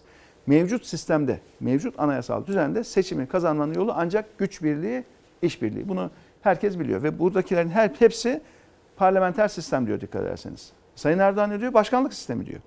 Yani masadan birisinin kalkıp da parlamenter sistemin altına imza atıp kalkıp masadan gidip Erdoğan'ın yanına başkanlık sisteminin yanına oturması herhalde çok ciddi bir itibar kaybı olur. Bunu da milletimiz e, seçim günü değerlendirir. Yani Siz altı- muhasebesini seçim günü hesabını görür diye tahmin ediyorum. Altılı masaya ya da altılı masadaki liderlere yönelik olan gelen o çağrılara da siz hani ortağından rahatsız olduğu için başka bir ortakla yola devam etmek istiyor diye yorumluyorsunuz. Tabii ki bir küçülüyorlar. Yani AK Parti artı MHP şu anda artık ikisinin toplamı bile tek başına seçimi kazanmaya yetmiyor. Bir küçülüyorlar. Ama o küçük ortağın yerine bir başka ortak alsa ya da şimdilik ortaklığı genişletse e, seçimi kazanma ihtimallerinin daha yükseleceğini düşünüyor olabilirler. O çağrılar onun için. Biliyorsunuz bu resimdeki ilk önce partilerden birisini şöyle kanca takmaya çalıştılar. E, Onlar yok öyle bir şey dediler. Biz, biz yanlışın yanında durmayız. Sonra bir başka partiyle ilgili bir iki defadır uğraşıyorlar. Onlar da yok diyorlar. Biz öyle bir şeyin içine girmeyiz. Ee, onun için masanın Ma- merkez Masada çek kuvveti çok efendim? İşte sizden sekti, bizden sekti. Şimdi acaba sıra kimde? Liderler bunu altılı masada konuşuyor Tabii tabii son iki defadır biraz açıldı konu doğru. Açıldı. Yani, Yani böyle ne böyle oldu? Kim açtı konuyu? Ya artık o Peki. kapalı toplantı olduğu için konu açıldı. Ama bu tür çabaların asla bu altılı masanın insicamını bozmayacağını, bozamayacağını hep beraber tekrar teyit ettik. Yani Altı lider olarak teyit Yani- ettik en son toplantımızda. Gülerek mi ele alıyorsunuz? Ne, söylüyorsunuz birbirinize? Ya şöyle Bu biz- çabalara biz, gülüyor evet, musunuz Biz ciddiye almıyoruz ama dışarıdan bakıp da ciddiye alanlar var. Dolayısıyla dışarıdan bakıp ciddiye alanlar konusunda dikkatli olmamız lazım. Böyle bir şeyin olmadığını ve olmayacağını da kamuoyuna iyi bir iletişimle izah etmemiz lazım diyoruz. Efendim şimdi altılı masa isterseniz burada haberimiz de hazır. E, altılı masa ile ilgili son notlarımızı paylaşalım. Siyasete şimdi geri dönmüş olalım. Bir başlangıçta yapmış olalım. Sonra e, Cumhuriyet Halk Partisi'nin bir vizyon belgesi, 70 kişilik o ekonomi kadrosu onu da konuşmak istiyorum. Sayın Babacan'la birlikte hemen altılı masa. İşi sıkı tutarsak Allah'ın izniyle altılı masa denilen paravan yapı emellerine ulaşamaz. kalbi Türkiye için atan altı vatansever liderin masasıdır o. Erdoğan paravan yapı dedi, Kılıçdaroğlu altı vatansever liderin birlikteliği vurgusunu yaptı. Altılı masa kadar masanın çıkaracağı Cumhurbaşkanı adayı da en sıcak başlık. Hem ittifakların düellosunda hem de vatandaş cephesinde. Er veya geç mecburen adaylarını açıklayacaklar. Cumhur İttifakı sürekli olarak adaylık için dürtüp duruyor. Cumhurbaşkanımız olacak mısın? Allah bilir kardeşim diyeceğim ne diyeyim. Ekrem İmamoğlu'na İstanbul TÜYAP Kitap Fuarı'nda vatandaşlar aday mısınız diye sordu. İmamoğlu'nun Allah bilir yanıtı kısa ama manidardı. Tam da Akşener'in ismi masaya gelirse itiraz etmem dediği günün ertesinde. Altılı Masa'nın mensuplarına da söylemiştim. Masada bu iki arkadaşımızdan biri aday gösterilirse biz hayır demeyeceğiz dedim. Ekrem İmamoğlu ve Mansur hem Yavaş Ekrem Bey hem. Mansur Bey de. Sayın Mansur Yavaş ve Sayın Ekrem İmamoğlu Cumhuriyet Halk Partisi mensuplarıdır. Sayın Kılıçdaroğlu Cumhuriyet Halk Partisi içinde kendi iş değerlendirmelerini yapmadan yorum yapmam. Bu başka bir partinin iç işlerine karışmak olur. Bu altılı masa çözüm olamaz. Zaten dağılırlar yakında göreceksin. Ayar veriyorlar birbirlerine. Ben arkadaşlarımıza dedim ki artık arkadaşlar dedim zamanı geliyor bu işin. Herkes yavaş yavaş kendi zihninin içinde muhtemel isimleri değerlendirmeye başlasın. Aralık ayından itibaren parti içi bir istişare süreci başlatacak. Onların şu andaki derdi bu masadan kim ne kadar ne kapar. Yaptıkları bu. Cumhurbaşkanı Erdoğan'ın da yaptığı hemen her konuşmada gündeminde altılı masa. Altılı masanın aday bilmecesi nasıl çözülecek, aday kim olacak ve ne zaman açıklanacak sorularına yanıt aranırken eleştiriler, tahminler ve tepkiler arasında masanın adımları da hızlanmış görünüyor. Önce güçlendirilmiş parlamenter sistemi çalıştık. Sonra dönüldü. Bunun anayasaya uygulanmış haline çalışıldı. Biz adayı gösterdiğimiz gün hangi gün Geçiş sürecinin yol haritasını tamamlamak, seçimlerden sonra kurulacak hükümetin hükümet programını bitirmek. Yani bir bakıma ortak cumhurbaşkanı adayımızın seçim beyannamesini altı partinin ortak bir şekilde yazıp bitirmesi. İnanın başaracağız ve inanın kazanacağız. Altılı masa hem Cumhurbaşkanlığını hem de Türkiye Büyük Millet Meclisi'nde çoğunluğu alacak. Altı parti önce parlamenter sistem ortak paydasında buluştu. Ardından yeni anayasa taslağı açıklandı. Şimdi olası iktidarın hükümet programı yazılıyor. Finalde ise herkesin merakla beklediği aday açıklanacak. Aralık ayı isimler üzerinden nabız yoklamasıyla geçecek ve altılı masanın adayı büyük olasılıkla yeni yılın ilk günlerinde netleşmiş olacak. Bay Kemal ve şürekası bunların siyasetteki tek kutsalı işgal ettikleri konumlardır. Ülke söz konusu olunca ideolojik farklılıklar teferruattır dememiz bu masanın en büyük gücüdür. Zorbalığa direnen, her türlü kara propagandaya rağmen kenetlenen altı lideriz biz. Türkiye için kenetlendik. Efendim altılı masa çalışmaları nasıl gidiyor? Yani çok geçmez yakında dağılırlar gibi açıklamalar da geliyor. Hatta muhalefet cephesinden de geliyor. Sayın İnce'nin açıklaması belki bu yönde. Ve e, Cumhurbaşkanı Erdoğan altılı masaya paravan yapı benzetmesi yaptı. Ne dersiniz? Şimdi Sayın Erdoğan'ın bu deminki gösterilen kayıtlardaki iki ifadesine özellikle dikkat çekmek istiyorum. Bir, kapmak kelimesini kullandı. Hani kimle kapacak diyor ya. İki, işgal kelimesini kullandı. Bu aslında zihninin gerisindeki kodların açığa vurulmasıdır. Bir, iktidarı kapılması gereken bir alan olarak düşünüyor kendi zihninde. Çünkü kendi kapmış ya. Kim ne kapacak diye bakıyor. İki, işgal kelimesini kullanıyor. Çünkü biliyor ki zihninde kendisi işgal ediyor. Kendisinden sonra kim işgal edecek diye hesap ediyor. Bizim o, şu anda bu konuya bakışımız çok açık. Biz diyoruz ki siz kötü yönetiyorsunuz. Biz çok daha iyi yönetmeye talibiz. Siz tek başınıza burnunuzun dikine kararlar veriyorsunuz. Bu kararların çoğu ülkeyi yanlışa götürüyor, bataklığa sürüklüyor. Biz ortak akılla ve istişareyle yöneteceğiz ve bu ülke için çok daha güzel kararlar alıp 85 milyona hitap edecek sonuçlar alacağız diyoruz. Yani mentalite burada tamamen farklı. Kendi zihin dünyası kapmak, işgal üzerine iktidarı öyle görüyor. Biz ne diyoruz? İstişareyle, ortak akılla bu ülkeyi daha iyi nasıl yönetiriz? 85 milyon için özgürlük ve refahı nasıl üretiriz? Yani şu son gösterdiğiniz videolardaki ifadeler bile bunu ortaya koyuyor. Bir de ne oldu tabii biz altılı masa olarak bir önceki toplantıda artık dedik odaklanmamız masanın genişlemesine değil de hızlanması ve odaklanması dedik. Bunu söyledik. Onun için diğer partilerden şöyle böyle açıklamalar gelebilir. O çok önemli değil yani diğer muhalefet partilerden. Onu çok biz ona dikkat etmiyoruz. Biz kendi işlerimize bakıyoruz şu anda ve çok yoğun bir şekilde bu ülkeyi beraberce nasıl yöneteceğimizin hazırlığını yapıyoruz. Bunun hazırlığının en önemli adımlarından birisi evet anayasa hazırlığımızdı. Mutabakat metnimizi Şubat sonunda açıkladık. Bu mutabakat metninin içerisine koskoca bir anayasa değişiklik paketi çıkarttık. Bu iki, son 10 yılın en iyi çalışmasıdır bu. 10 yıl önce denenmiştir, başarılamamıştır. 6 parti 84 maddenin tamamında mutabık kalmıştır. Ve bunu da anayasa önerisi olarak sunduk. Öneri ne demek? Şimdi biz seçime kadar bununla ilgili görüşleri toplayacağız. Çünkü bunu kamuoyuna sunduk ya. Gerçi çok geniş istişareler hazırladık ama bununla ilgili insanların önerisi olacak, görüşü olacak, belki eleştirileri olacak. Dolayısıyla seçime kadar bunları not edip seçimden sonra bunu anayasa değişikliği önerisi değil teklifi olarak değiştireceğiz. Belki içinde gelecek önerilere göre, görüşlere göre de ufak tefek belki değişiklikler yapacağız, ilaveler, çıkartmalar falan. AK Parti'ye, Ondan sonra teklif olarak sunacağız. grubu olan diğer partilere gönderdiniz mi bu öneriyi? Bunu tabii kamuoyuna yayınladık bunu. Sonra e, kamuoyuna mesela yayınladık. STK'lar bu bu bir tartışma süreci. Tabii Biz ki. bunu hazırladık Tabii. ve sonrası için de bunu konuşalım. Evet. Teklif Çünkü haline getirelim hükümet, birlikte hükümet diyorsunuz. ne diyor? Sayın Erdoğan, Sayın Bahçeli ne diyor? Durmadan yeni anayasa yapacağız diyor. Yeni anayasa, yeni anayasa. Ortada hiçbir şey yok. Koskoca bir boşluk var. Oysa biz ne diyoruz? Siz yeni anayasa deyip durana kadar biz çalışmamızı tamamladık, kamuoyuna deklar ettik diyoruz. Ben buradan tekrar soruyorum Erdoğan'a, Bahçeli'ye. Bizim anayasa teklifimiz burada. Sizinki nerede diyorum. Boş. Laf üretiyorlar laf. İş üretmeye gelince beceremiyorlar. Sorun o zaten. İlker Bey bunlar artık yönetemiyor. Hadi şunu yap dediğinizde çuvallıyorlar. Biz bunu ortaya koyduk. Seçimden önce buradan çağrı yapıyorum. Koyun şu yeni anayasanızı. Görsün bir millet. Nasıl bir yeni, yeni anayasa düşünüyorsunuz? Lafla olmuyor ki bu iş. Lafla peynir gemisi yürümüyor. Biz işte sapasağlam çalışmaya koyduk ortaya. Siz de bir şey koyun da görelim diyoruz. Bu iktidarın artık iş üretme becerisi bitti. Onun için yok yapamıyorlar. Böyle bir şey ortaya koyamazlar, yapamazlar. Peki Bu da yetmeyecek. Ne yapıyoruz biz? Arkasından altılı masanın seçimlerden sonra o geçiş sürecinde parlamenter sisteme geçene kadar ülkeyi nasıl yöneteceğini çalışıyoruz. Bir de seçimlerden sonra kurulacak hükümetin ne yapacağını yani hangi alanda icraatını nasıl ortaya koyacağını da bugünden hazırlıyoruz. Bu da bir ilk. Cumhuriyet tarihinde böyle bir şey yok. Yani altı partinin seçimden çok önce bir araya gelip politikalarını ortaklaştırıp ortak bir taahhütle, ortak bir seçim beyannamesiyle seçime gidiyor olması da Türkiye'de bir ilk. Çünkü hatırlayalım o eski koalisyon dönemlerinde ki biz buna koalisyon demiyoruz şu anda. Eski koalisyon dönemlerinde partiler birbirleriyle yarışıyorlardı. Her birisinin ayrı ayrı iddiası vardı.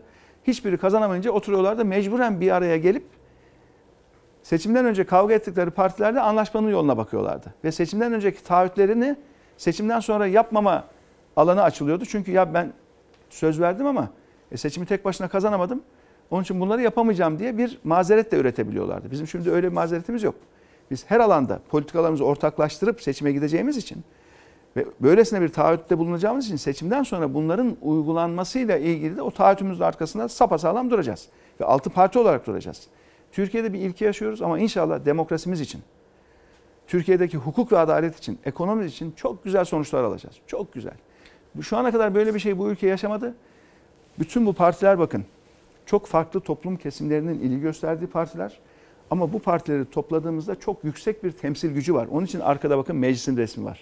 Bu meclis bu fotoğraf boşuna değil. Bu, bunun tasarımı şu fotoğrafın tasarımı bakın arkada Demokrasi zamanı diyor. Arkada Türkiye Büyük Millet Meclisi var. Egemenlik kayıtsız şartsız milletindir. Artı nedir? Çok geniş bir temsil gücü var. Şöyle tek tek siyasi partilere bakın. Geçmişi olan biz yeniyiz. Biz iki buçuk yıllık siyasi partiyiz. Ama bu partilerden dört tanesi daha önce seçime girmiş partiler.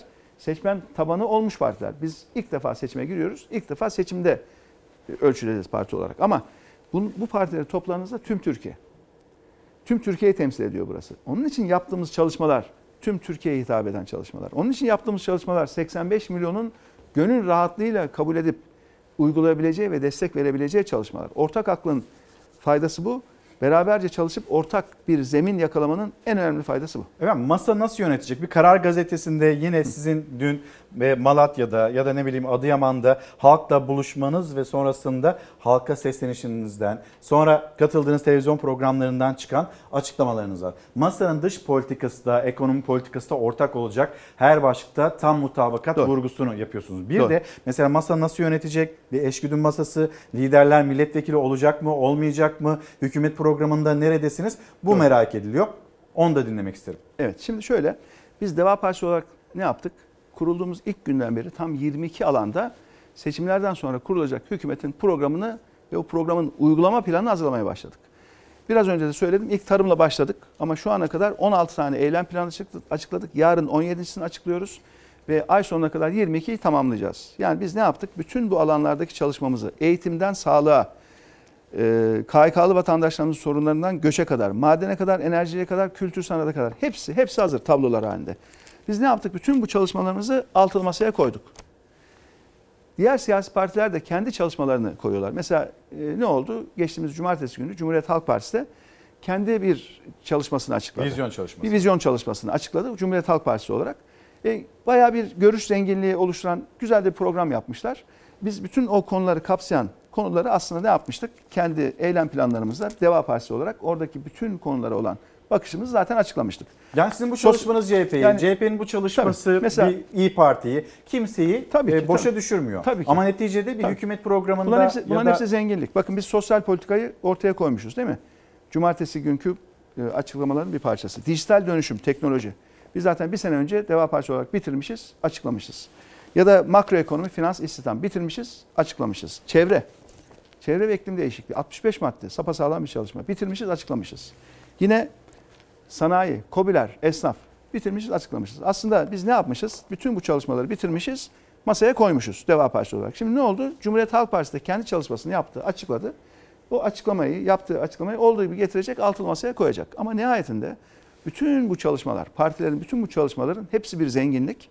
Ama bunları bir ortak paydada buluşturacağız. Yani kurmuş olduğumuz ortak çalışma grubu bütün bu zengin fikirlerden ortak bir paydayı yakalayacak. Dolayısıyla bizim altılı masa olarak vatandaşlarımıza taahhüdümüz o ortak payda olacak. Yani her parti çalışmalar yapar, yapmalı da ki muhalefette bu e, gelenek ya da kültür yeni oluşuyor onu da söyleyeyim. Eskiden neydi? Muhalefet sadece eleştirirdi.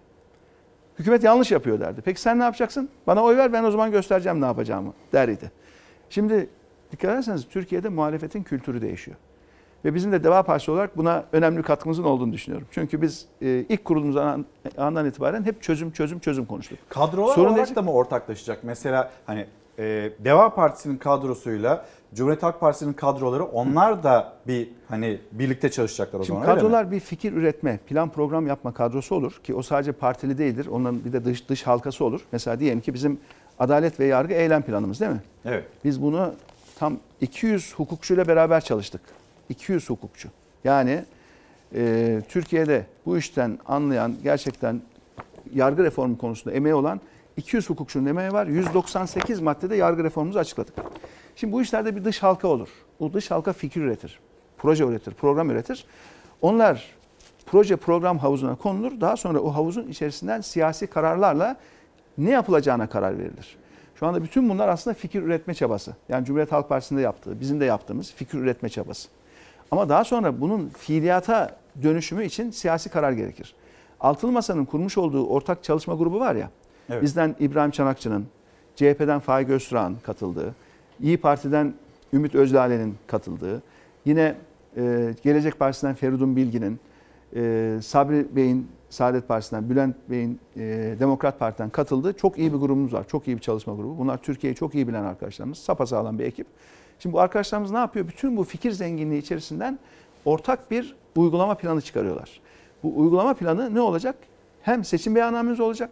Altı partinin ve ortak adayımızın hem de seçimlerden sonra kurulacak hükümetin hükümet programı olacak. Dolayısıyla bugünden biz seçimlerden sonra kurulacak hükümetteki bütün bakanların aslında ev ödevini hazırlıyoruz. Yani bakanların önüne koyacağız. Adalet Bakanı'nın önüne koyacağız. Yani Yargı reformu bu. altılı masanın bakanları Heh, olacak. Şimdi oraya oraya geliyorum şimdi. Yani bütün bunlar plan, program, hazırlık. Seçimlerden sonra ne olacak? Seçimlerden sonra bir kabine oluşacak değil mi? Bu kabinede hangi partiden, hangi bakanın görevlendireceği bugün gelince verilecek bir karar. Bütün bu hazırlık tamam olduktan sonra kimin olacağının önemi de azalıyor. Hangi partiden olacağının önemi de aza- azalıyor. Çünkü eski koalisyonlarda neydi? Hükümet ve kabine paylaşılırdı. Paylaşma tabiri kullanılırdı. İşte İçişleri Bakanlığı'na sen bakacaksın, ekonomiye sen bakacaksın. Bir paylaşma. Halbuki biz seçimlerden sonra kurulacak hükümet için asla paylaşma ifadesini kullanmıyoruz. Biz beraberce nasıl yöneteceğiz diyoruz. Çünkü seçimden önce ne yapacağımıza karar verdiğimiz için Adalet Bakanı'na diyeceğiz ki bak arkadaş altı partinin ortak politikası budur. Kararımız budur. Ha senin yeni fikirlerin olabilir. Anlatabilirsin. Ya da bunun içinde katılmadığın bizlerin altı partinin gözden kaçırdığı bir husus olabilir. Gelir anlatırsın ya siz hani altı parti olarak Ekleme altı- yapabilirsin. Yani burada galiba ben bir yanlış görüyorum. Anlatırsın eğer ikna olursak tamam ama ikna olmazsak da yok. Bu partilerin ortak duruşudur. Bunu uygulaman gerekir diye. Yani bakanlarla böyle bir şey süreci olacak mutlaka. Bakanların isimleri belirlendikten sonra. Bakanların da kendi önerileri olur, ekleyecekleri çıkarıları olur ama hepsinin bunun beraberce konuşulması gerekecek. Zaten İlker Bey nasıl biliyor musunuz? Bakın biz bu hazırlıkları yaptık Deva Partisi olarak. Türkiye'de şu ana kadar gelmiş geçmiş en kapsamlı hazırlık. Böyle bir şey Türkiye'de yapılmadı daha önce. Bakın siyasi tarihimiz inceleyin. Yok böyle bir şey yani. Şimdi yarın bir tane daha 17.sini açıklıyoruz. Ay sonuna kadar 22'yi buluyor. Biz bunların tamamını yaptık. Varlığımız, milletimizin varlığına armağan olsun dedik. Ortaya koyduk.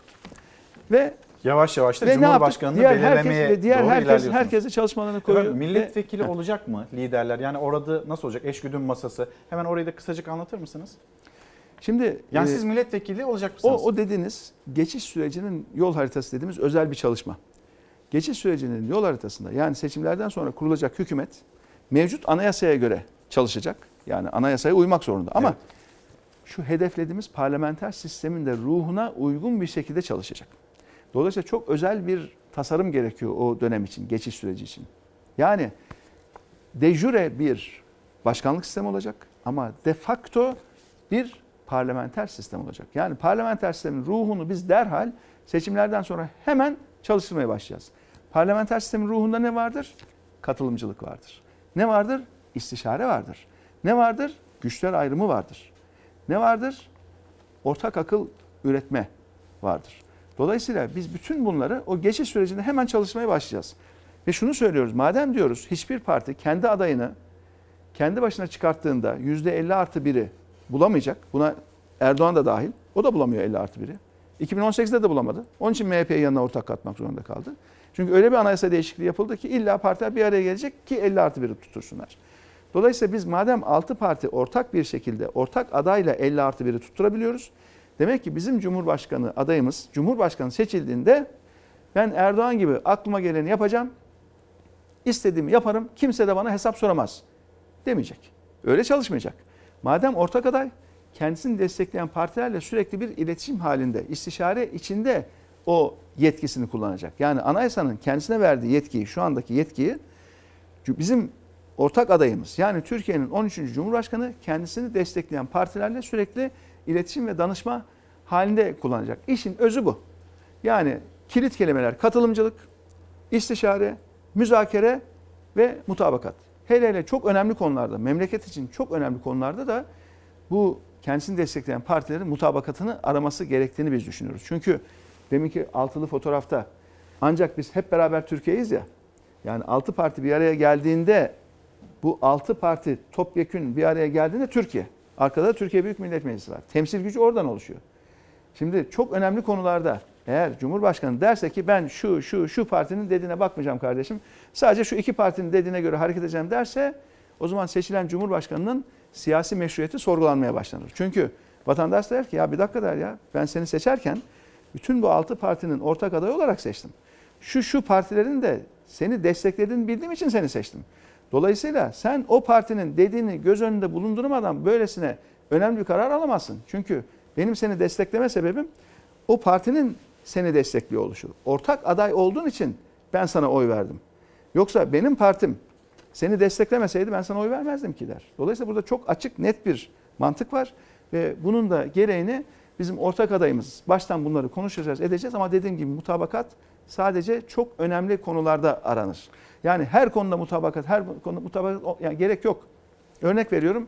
İşte Artvin'in Arhavi ilçesindeki il sağlık müdürünün atanması. Şimdi bu hani partiler toplansın, ortak karar alsın ki gerek yok. Yani bakarsın Sağlık Bakanı bir isim önerir. Cumhurbaşkanı onaylar yapar mesela. Örnek veriyorum yani. Yani öyle Ama- sistem tıkanmayacak, böyle bir, bir yavaş bir hantal bir şekilde Hayır, şey ilerlemeyecek. Ama şu var bakın. Demokrasi demek kurallı araç kullanmak demek. Tek adam sistemi demek kuralsız araç kullanmak demek. Yani şimdi otobüse 40 kişilik 40 kişilik yolcunuz var otobüste değil mi? Tek adam sisteminde ne oluyor? Şoför hiçbir kural tanımıyor. Hız limitini geçiyor.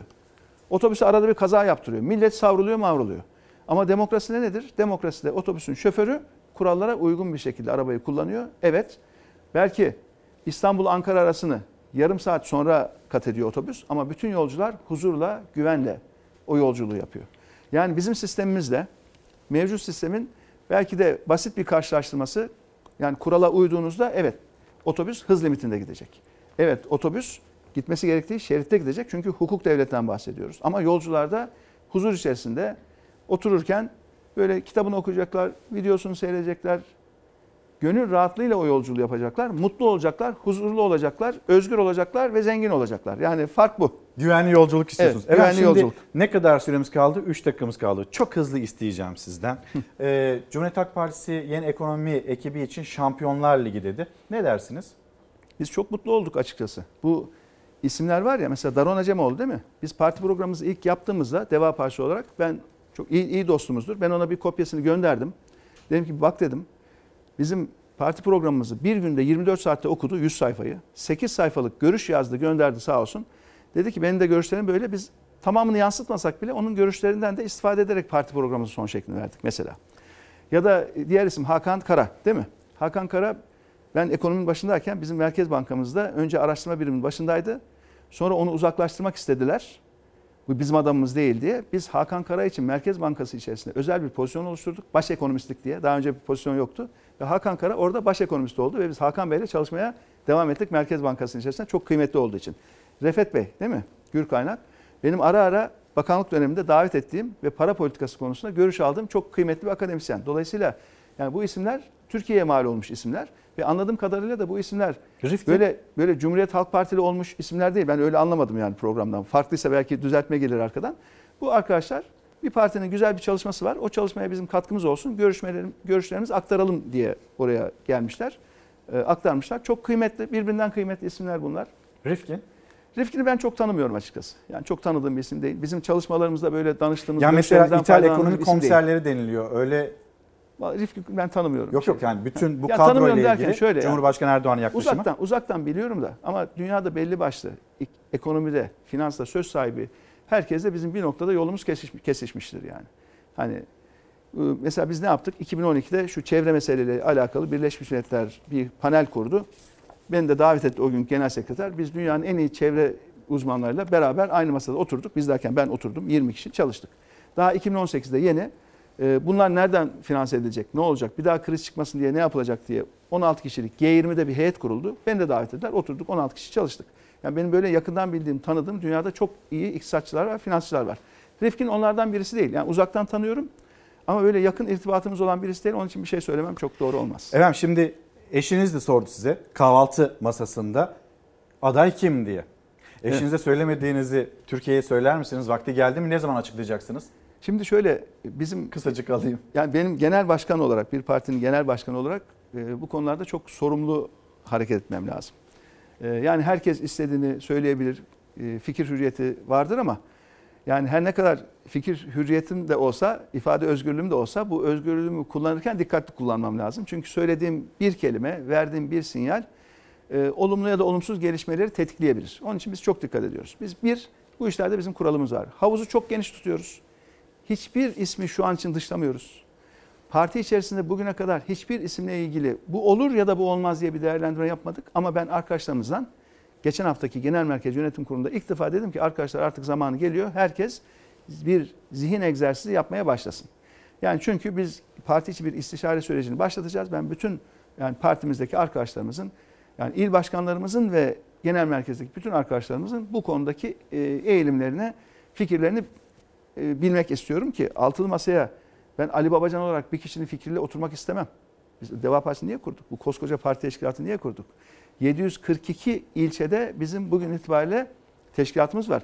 Dün Malatya'da bir program yaptık, bir esnaf ziyareti diye. Belki onun gö- Hemen son olarak o arkadaşlar. görüntü de gelsin. Evet. Birden Ha. böyle mitinge dönüşen Evet. o Yani herhalde- Malatya mitingi. Yani bu Malatya'nın meydanda otobüsümüzü çektik. Ee, Bir buluşma dedik. Sonra bir baktık meydan dolmuş yani öyle bir şey oldu. Dolayısıyla biz Malatya teşkilatımız mesela çok kuvvetli bir teşkilat. Dün Adıyaman'daydık. Biz bütün bu teşkilatı niye kurduk? Malatya teşkilatımız ne yapıyor? Malatya'nın bütün ilçelerinde teşkilatımız var bakın. Yüzde yüz. Bütün ilçelerinde. Bütün ilçelerden arkadaşlarımız görüş topluyor. Bütün ilçelerden. Evet. İl başkanımıza toplanıyor. İl başkanımız bu görüşü geliyor genel merkeze anlatıyor. Aynı şey Adıyaman'da, aynı şey Trabzon'da, aynı şey Hakkari'de, aynı şey Edirne'de. Bütün bu görüşleri toplayacağız. Çünkü anketlerde insanlar konuşmuyor ya. Halbuki bizim teşkilatımızda insanlar konuşuyor. Dolayısıyla bütün bu bilgileri toplayacağız, toplayacağız, toplayacağız. Ondan sonra biz bir isim listesi oluşturacağız ve e, uygun gördüğümüz isimleri başlayacağız liderlerle istişareye. En sonunda o altılı masadan bir beyaz duman tütecek. Beyaz duman tüttüğünde de diyeceğiz ki hayırlı olsun adayımız budur. Bir de şuna dikkat ediyoruz. Son Son cümle. biz başka partilerin iç işlerine karışmıyoruz prensip olarak. Yani herhangi bir parti içerisinden adı geçen birkaç kişi varsa öncelikle o partinin özellikle Cumhuriyet Halk Partisi için söylüyorum bunu. Bu arada TÜİK de açıkladı 84 84 39. Hmm. 84 39 Tamam. enflasyon. Bir cümle bunu alayım efendim çünkü Ya- süremizi de açtık. Yardım manşeti belli oldu. Enflasyon düştü. 85,5'tan 84'e düştü ya. Tamam hükümet şimdi çok mutlu olur. Ben de diyeceğim ki enflasyon düştü mü siz gidin bir halka sorun diyeceğim. TÜİK'e değil de halka sorun. Halkın kanaati neyse o diyeceğim. Ee, bu şekilde e, bitirmiş olalım. Teşekkür ederim. Efendim çok teşekkür ederim. Çok sağ olun. Sağ olun. Deva Görüşmek Partisi lideri Sayın Ali Babacan'la konuştuk ve süre yetmedi. Yine önümüzdeki günlerde haftalarda buluşuruz kendisiyle. Teşekkürler. Yarın sabah 7.15'te görüşürüz.